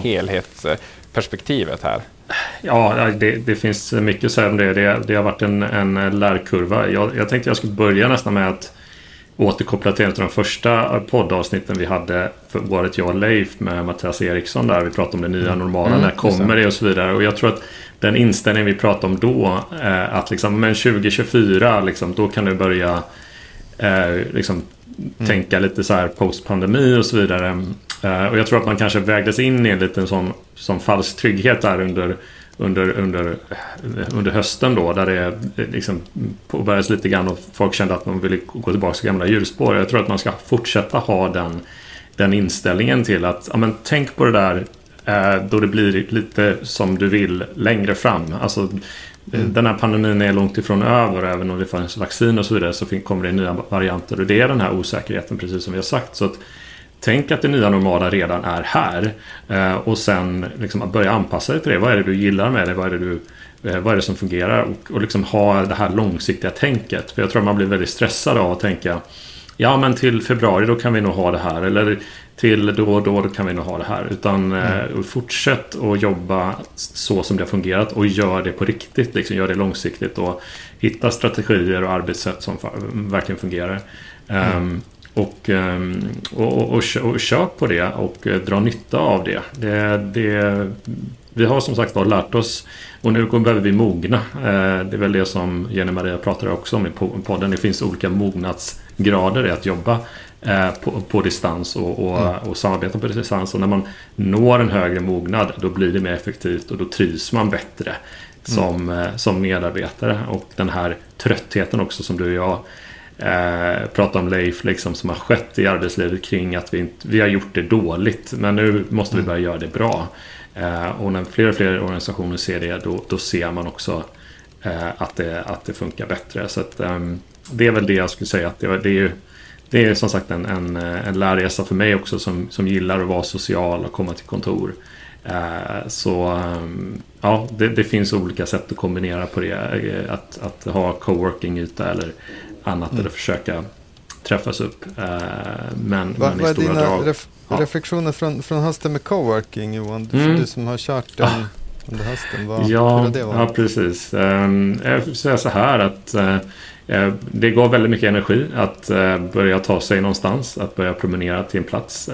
Och kunna ha lite mer luncher och även få lite besök från kollegor och sådär i Stockholm. men det är ju det, ställer höga krav på de här platserna för oss som mm. behöver mycket lugn och ro och behöver sitta fokuserat och sitta med kunder, sitta med workshop. Mm. Eh, det, det, krävs, eh, de här coworking-ställena är ju väldigt annorlunda eh, mot företag, stora företag där man jobbar liksom på samma sätt. Alltså man har fri, fri arbetsyta och så vidare. För där finns det en, en policy, kanske en, en guide, olika, olika liksom eh, Ja, det finns en kultur där, där, där, man vet vad som är rätt och fel att göra. Men mm. på den här platsen jag varit på i alla fall så, så tror jag att folk gör lite som de vill. Och eh, då kan det bli ganska stökigt och högljutt. Och det, det blir stressigt att vara i sån miljö när det kommer fler och fler personer dit. Mm. Um, mm. Så det såg jag ju när jag började jobba där. Då var det inte så mycket folk tillbaka. Det var innan restriktionerna lyftes. Uh, och uh, då kändes det som att det var bra att ha en, en miljöombyte. Men mm. ju mer och mer folk som kom dit och ju mindre och mindre det fanns ett, ett, eh, ett ledarskap för hur man skulle bete sig så blev det svårare och svårare att behålla koncentrationen. Eh, så eh, jag tittar på nya lösningar för nästa år. Helt enkelt, så får vi se. Ja. Mm. jag tycker den där frågan är väldigt intressant och, och, och det förvånar mm. mig att jag ser så lite Antingen är jag inte på rätt ställen eller, eller mm. så sker det inte. Men jag tycker jag ser väldigt lite från coworking eh, organisatörer kring hur man ska möta det här nya sättet att vara. Så man pratar mer om sådär, ja men nu ja. för alla stora organisationer, nu kan vi erbjuda er coworkingplatser för att folk mm. inte vill åka till kontoret längre eller någonting sånt. Men, mm. men för mig handlar det snarare om, ja men möter de här coworking mm. Platserna verkligen det nya arbetssättet vi behöver? Mm. Hur vet jag att jag hittar mm. en tyst och mm trygg plats att sätta mig på och hålla mina workshops eller mm. möten eller föreläsningar digitalt som jag behöver göra. Mm. Och svaret på det är inte, ja. men vi har två telefonbås på det här, på den här våningen. Liksom det, ja, men det, då litar jag inte på det och då kommer jag stanna hemma istället. Jag, tror, jag tror att det är en viktig, en viktig framgångsfaktor för det här samverket då som den skulle ha, jag skulle på en invigning här som tyvärr ställdes in då på grund av restriktioner igen. Ehm, men eh, det är ju att de, alltså en, community manager och så vidare, eller att man, man har en tydlig kultur på de här gemensamma eh, arbetsytorna. Mm. Eh, så, att, så att alla kan trivas. För att det, det, är, det, är, det är en utmaning att jobba då det här jag ska kanske inte kalla det hybrid då, men om man jobbar med digitala eh, verktyg, digitala möten och samtidigt mm. ses. Då måste man ha ganska klart och tydligt för sig att eh, eh, det här rummet är till för det här och det här rummet är till för det här. Och kunna, då, eh, kunna driva kultur på de här ställena som gör att det är inkluderande. Mm. Eh, det, det, är mm. väldigt viktigt. Och det såg jag bristen på där jag satt nu i höst. Mm. Mm. Men, och jag gissar också att det har att göra med lite det fysiska rummet också. Att man behöver mm. bygga om de här platserna lite grann. Och jag gissar ja. att där, där i finns mycket av problematiken. Att kanske hyresvärdarna inte är så eller fastighetsägarna kanske inte är så sugna på att bygga om för att det är ofta ganska nya ställen och de som är då coworking-operatörerna har inte själva musklerna för att bygga om de här platserna Eh, vilket gör att det blir svårt för man skulle ju behöva en, en massa ställen att snabbt kunna krypa in på. Alltså egentligen, det är snarare från de här liksom väldigt öppna platserna där vi ser alla så vill vi snarare ha de här gamla liksom, tandläkarmottagningarna eller någonting mm. där det är liksom små, små, små rum och så går vi ut och är, mm. är jättesociala sen i, i något mm. annat sammanhang men, men ja. när vi sitter och jobbar behöver vi vara, behöver vi vara ganska avskilda. Mm. Mm, mm. Alltså jag tycker att det här, eh, det här belyser ett tema som återkommer flera gånger under den här äh, julpodden och det är ju det är väldigt logiskt att vi blickar tillbaka på sånt som våra kunder reflekterat över året mm. och sådär. Om vi går hela vägen tillbaka till det som Marie på Skellefteå buss sa i början, hur den här äh, pandemin då har triggat liksom en, ett behov av innovation och förändring hos dem. Mm. Och, och vad, vad har det med att göra? Eller samma sak på vården då, att där har det triggats också att det verkligen driver på då liksom behovet av innovation. Och det har ju inte att göra med att hoppsan, vi ska vara redo för nästa pandemi när det blir lockdown eller någonting sånt här. Att det här är sånt som mm. behövs precis i ett pandemiläge, utan i grunden är det att pandemin har skapat beteendeförändringar, ändrade förväntningar mm. hos oss som människor som kommer att dröja kvar. Jag tror att det där är kanske det mm. som inte riktigt har eh, liksom, right. hämtats hem ännu. Så att jag menar nu de stora, först var vi i panikläget att nu måste vi anpassa oss efter pandemi här och nu och så löser vi det. Men nu vaknar alla upp till det här, okej, okay, och hur har de här ändrade förväntningarna påverkat vårt läge liksom, gentemot kunden, invånaren? Liksom, så. Mm. Och, och, det måste man ut och börja lära sig. Hur, hur ser det ut? Hur ser de här nya förväntningarna ut mm. för att få tillbaka folk till kollektivtrafiken? Det är inte bara att säga nu kör vi allt som vanligt igen, pandemin är slut. Nej, för nu har jag en annan förväntan. Mm. Nu har jag ett nytt beteendemönster som jag har mm. lärt mig och sådär. Alltså det är mm. det som blir intressant att följa, hur man möter upp det. Så att vill man vara snäll mot coworking och så, Leif, så är det väl kanske man har inte hunnit att reagera på det. Men jag har också tänkt på det att man ser inte ens de här första försöken till att liksom nu möblerar vi om, nu gör vi om, utan det känns verkligen bara som att nu har vi öppet igen mm. och alla ni som har suttit hemma, nu kan ni komma hit. Och bara, Nej, det möter inte alls mitt liksom, det möter inte alls mitt behov, Nej. utan de här är ju jättehårt konkurrensutsatta av en ny eh, konkurrent som är hemmet, mm, som man har upptäckt funkar jättebra mm. eh, att, att jobba med, där man har kontroll över sin miljö och sådana här saker, om man typ inte har sjuka barn som springer hemma och sånt där. Men, mm. ja, alltså det, det här har vi bara sett, det har vi bara sett början på verkligen. Mm. Ja, nej men så är det ju. Och det är ju, ja, men jag har gjort den förändringen under året också. Jag har ju flyttat och bytt stad från, från Skellefteå till Örebro. Det hade jag ju inte kunnat göra för, före vi hade en, eh, liksom, en distansarbetesgrund. Eh, då hade mm. jag ju, jag har ju jobbat mixat Skellefteå och Stockholm under många år men, men nu, nu har jag helt liksom, bytt, bytt stad till Örebro. Då, och det, det, det, har ju sina för och nackdelar men fördelen är att nu har jag kunnat liksom bygga min hemmamiljö så att den verkligen är ett, ett bra kontor för mig, en bra arbetsplats. Och nackdelen är ju mm. såklart mm. att, man, att man blir ju väl, när man bygger enbart det blir man ju väldigt isolerad. Liksom. Man, man tappar ju mycket av de här små sociala bitarna mm. som, som man kanske inte, inte alltid tänker på är viktiga. Eh, bara ja, men, att, att träffa folk man känner på ett väldigt naturligt sätt. Att man stöter ihop med folk och säger hej och pratar i en minut och går vidare. Mm. Det ger ju mm. väldigt mycket har jag upptäckt. Eh, mm. När jag inte har den. Ja.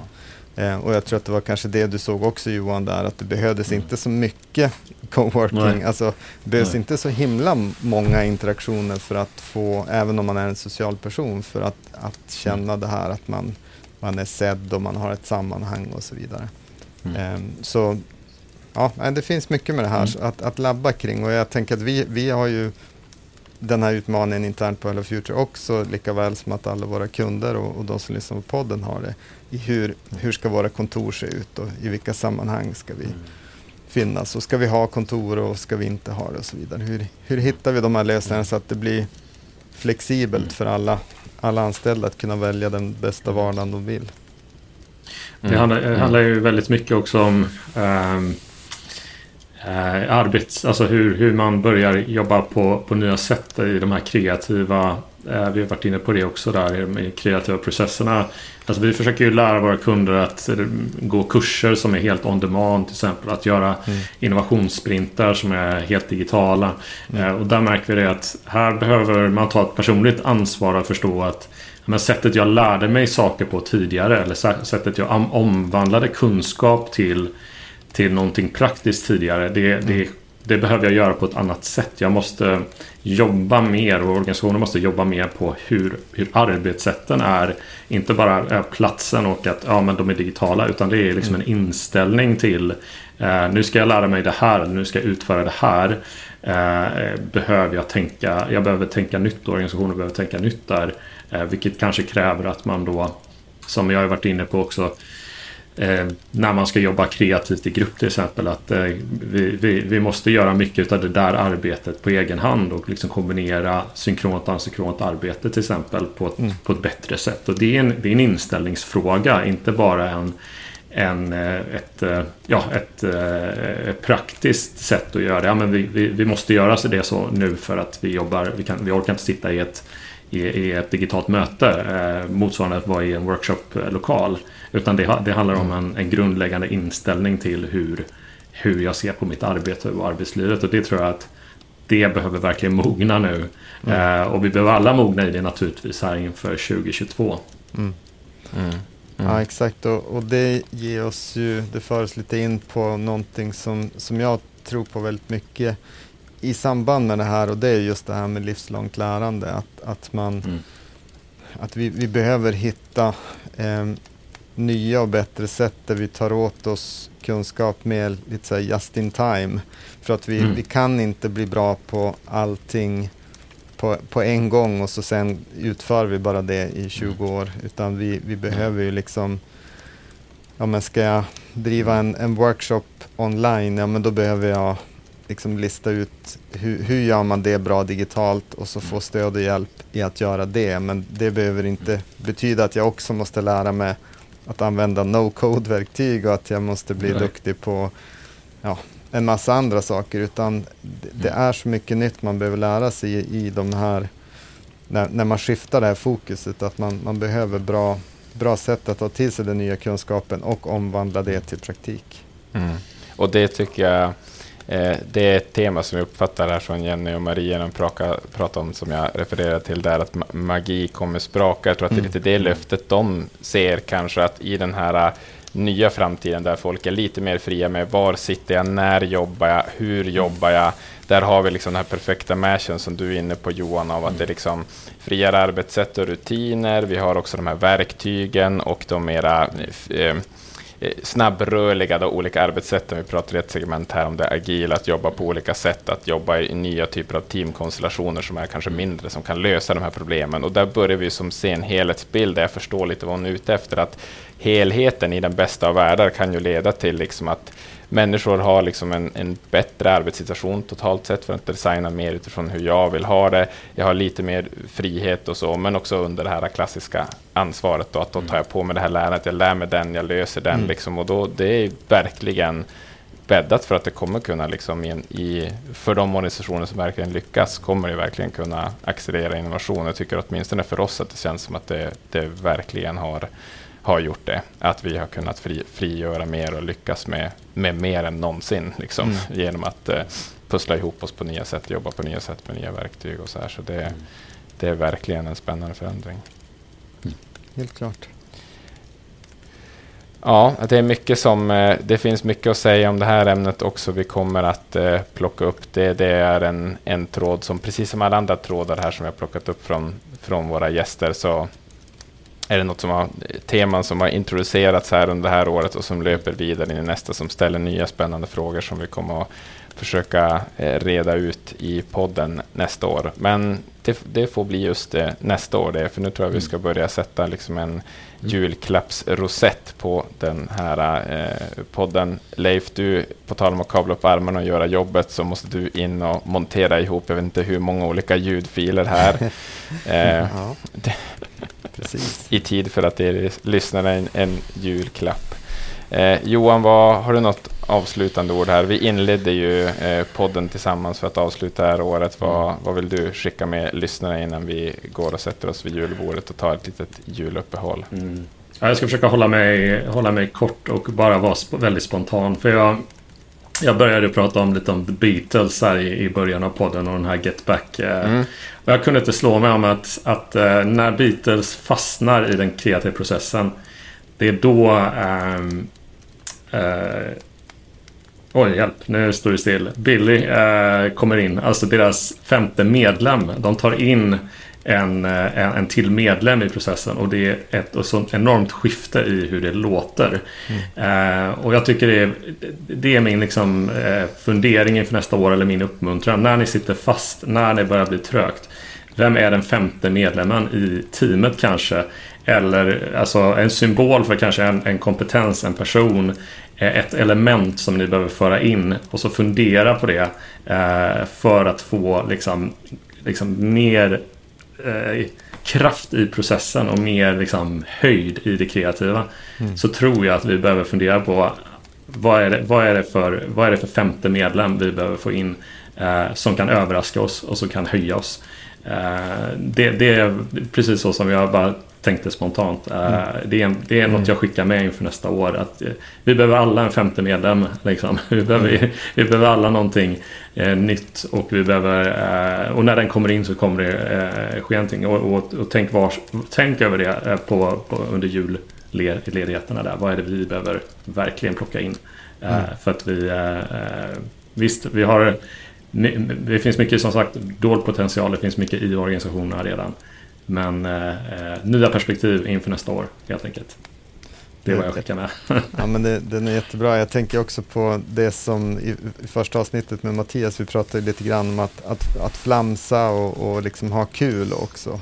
Um, mm. Och jag tänker att det, om man igen går tillbaka till Get Back-dokumentären mm. som är fantastisk, som jag rekommenderar till alla, även om man inte är intresserad av musik, för att titta, titta på kreativa processer, så, så är just flamset väldigt liksom, framträdande. Eh, vilket jag inte det var inte kanske bilden jag hade av Beatles, särskilt inte under de åren kanske att de, att de liksom lekte så himla mycket och tra tramsade Nej. jättemycket. Mm. det, det är ja. liksom 80% trams i mm. dokumentären men, men det, var, det var liksom helt avgörande för deras, mm. för att resultatet skulle bli som det blev. Utan det så hade det, mm. Ja, men då hade det, de hade inte orkat ta sig så långt som de gjorde utan, utan tramsandet. Mm.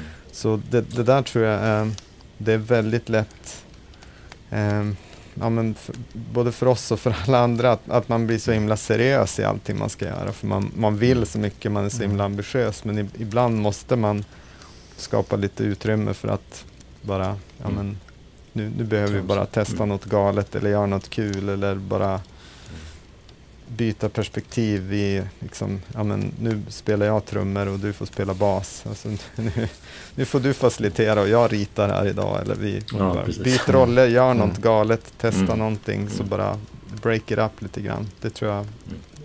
det kan man nog ta med sig också. Vi behöver bli, bli, bli bättre på det. Härligt. Alltså jag älskar ju verkligen att allt detta långa julpoddande leder oss ner till liksom så här att tramsa mer. Låt oss göra 2022 till liksom tramset, eller i alla fall kanske mm. det här mera lustfyllda utforskandets ja. Eh, år, mm. är väl det man eh, tar med sig. Eh, härligt. Eh, jag tycker att vi... Ja, Johan, du, jag ville avsluta det här med nej, det, tramset. Ja, du vill säga någonting seriöst där, Johan? Nej, nej. Jag ville bara säga att han heter Billy Preston. Jag måste bara säga att den femte medlemmen i Beatles är Billy Preston. Exakt. Billy Preston är dock inte tillgänglig för dig som lyssnar utan ni måste hitta en egen hitta femte eller femte element. Mm. Exakt. Eh, härligt. Stort tack eh, Leif och Johan för idag men också för hela det här eh, poddåret. Ni har ju nött ut era stämband i Transformationspodden nästan i år. Så att eh, nu tar vi ett välförtjänt julbreak. Ha det så bra nu under julen alla mm. eh, lyssnare så hörs vi i januari igen för ett nytt år och en ny säsong av Transformationspodden. Tack så mycket allihopa. Tack för i år. Tack Samuel. God jul. God jul. Hej då.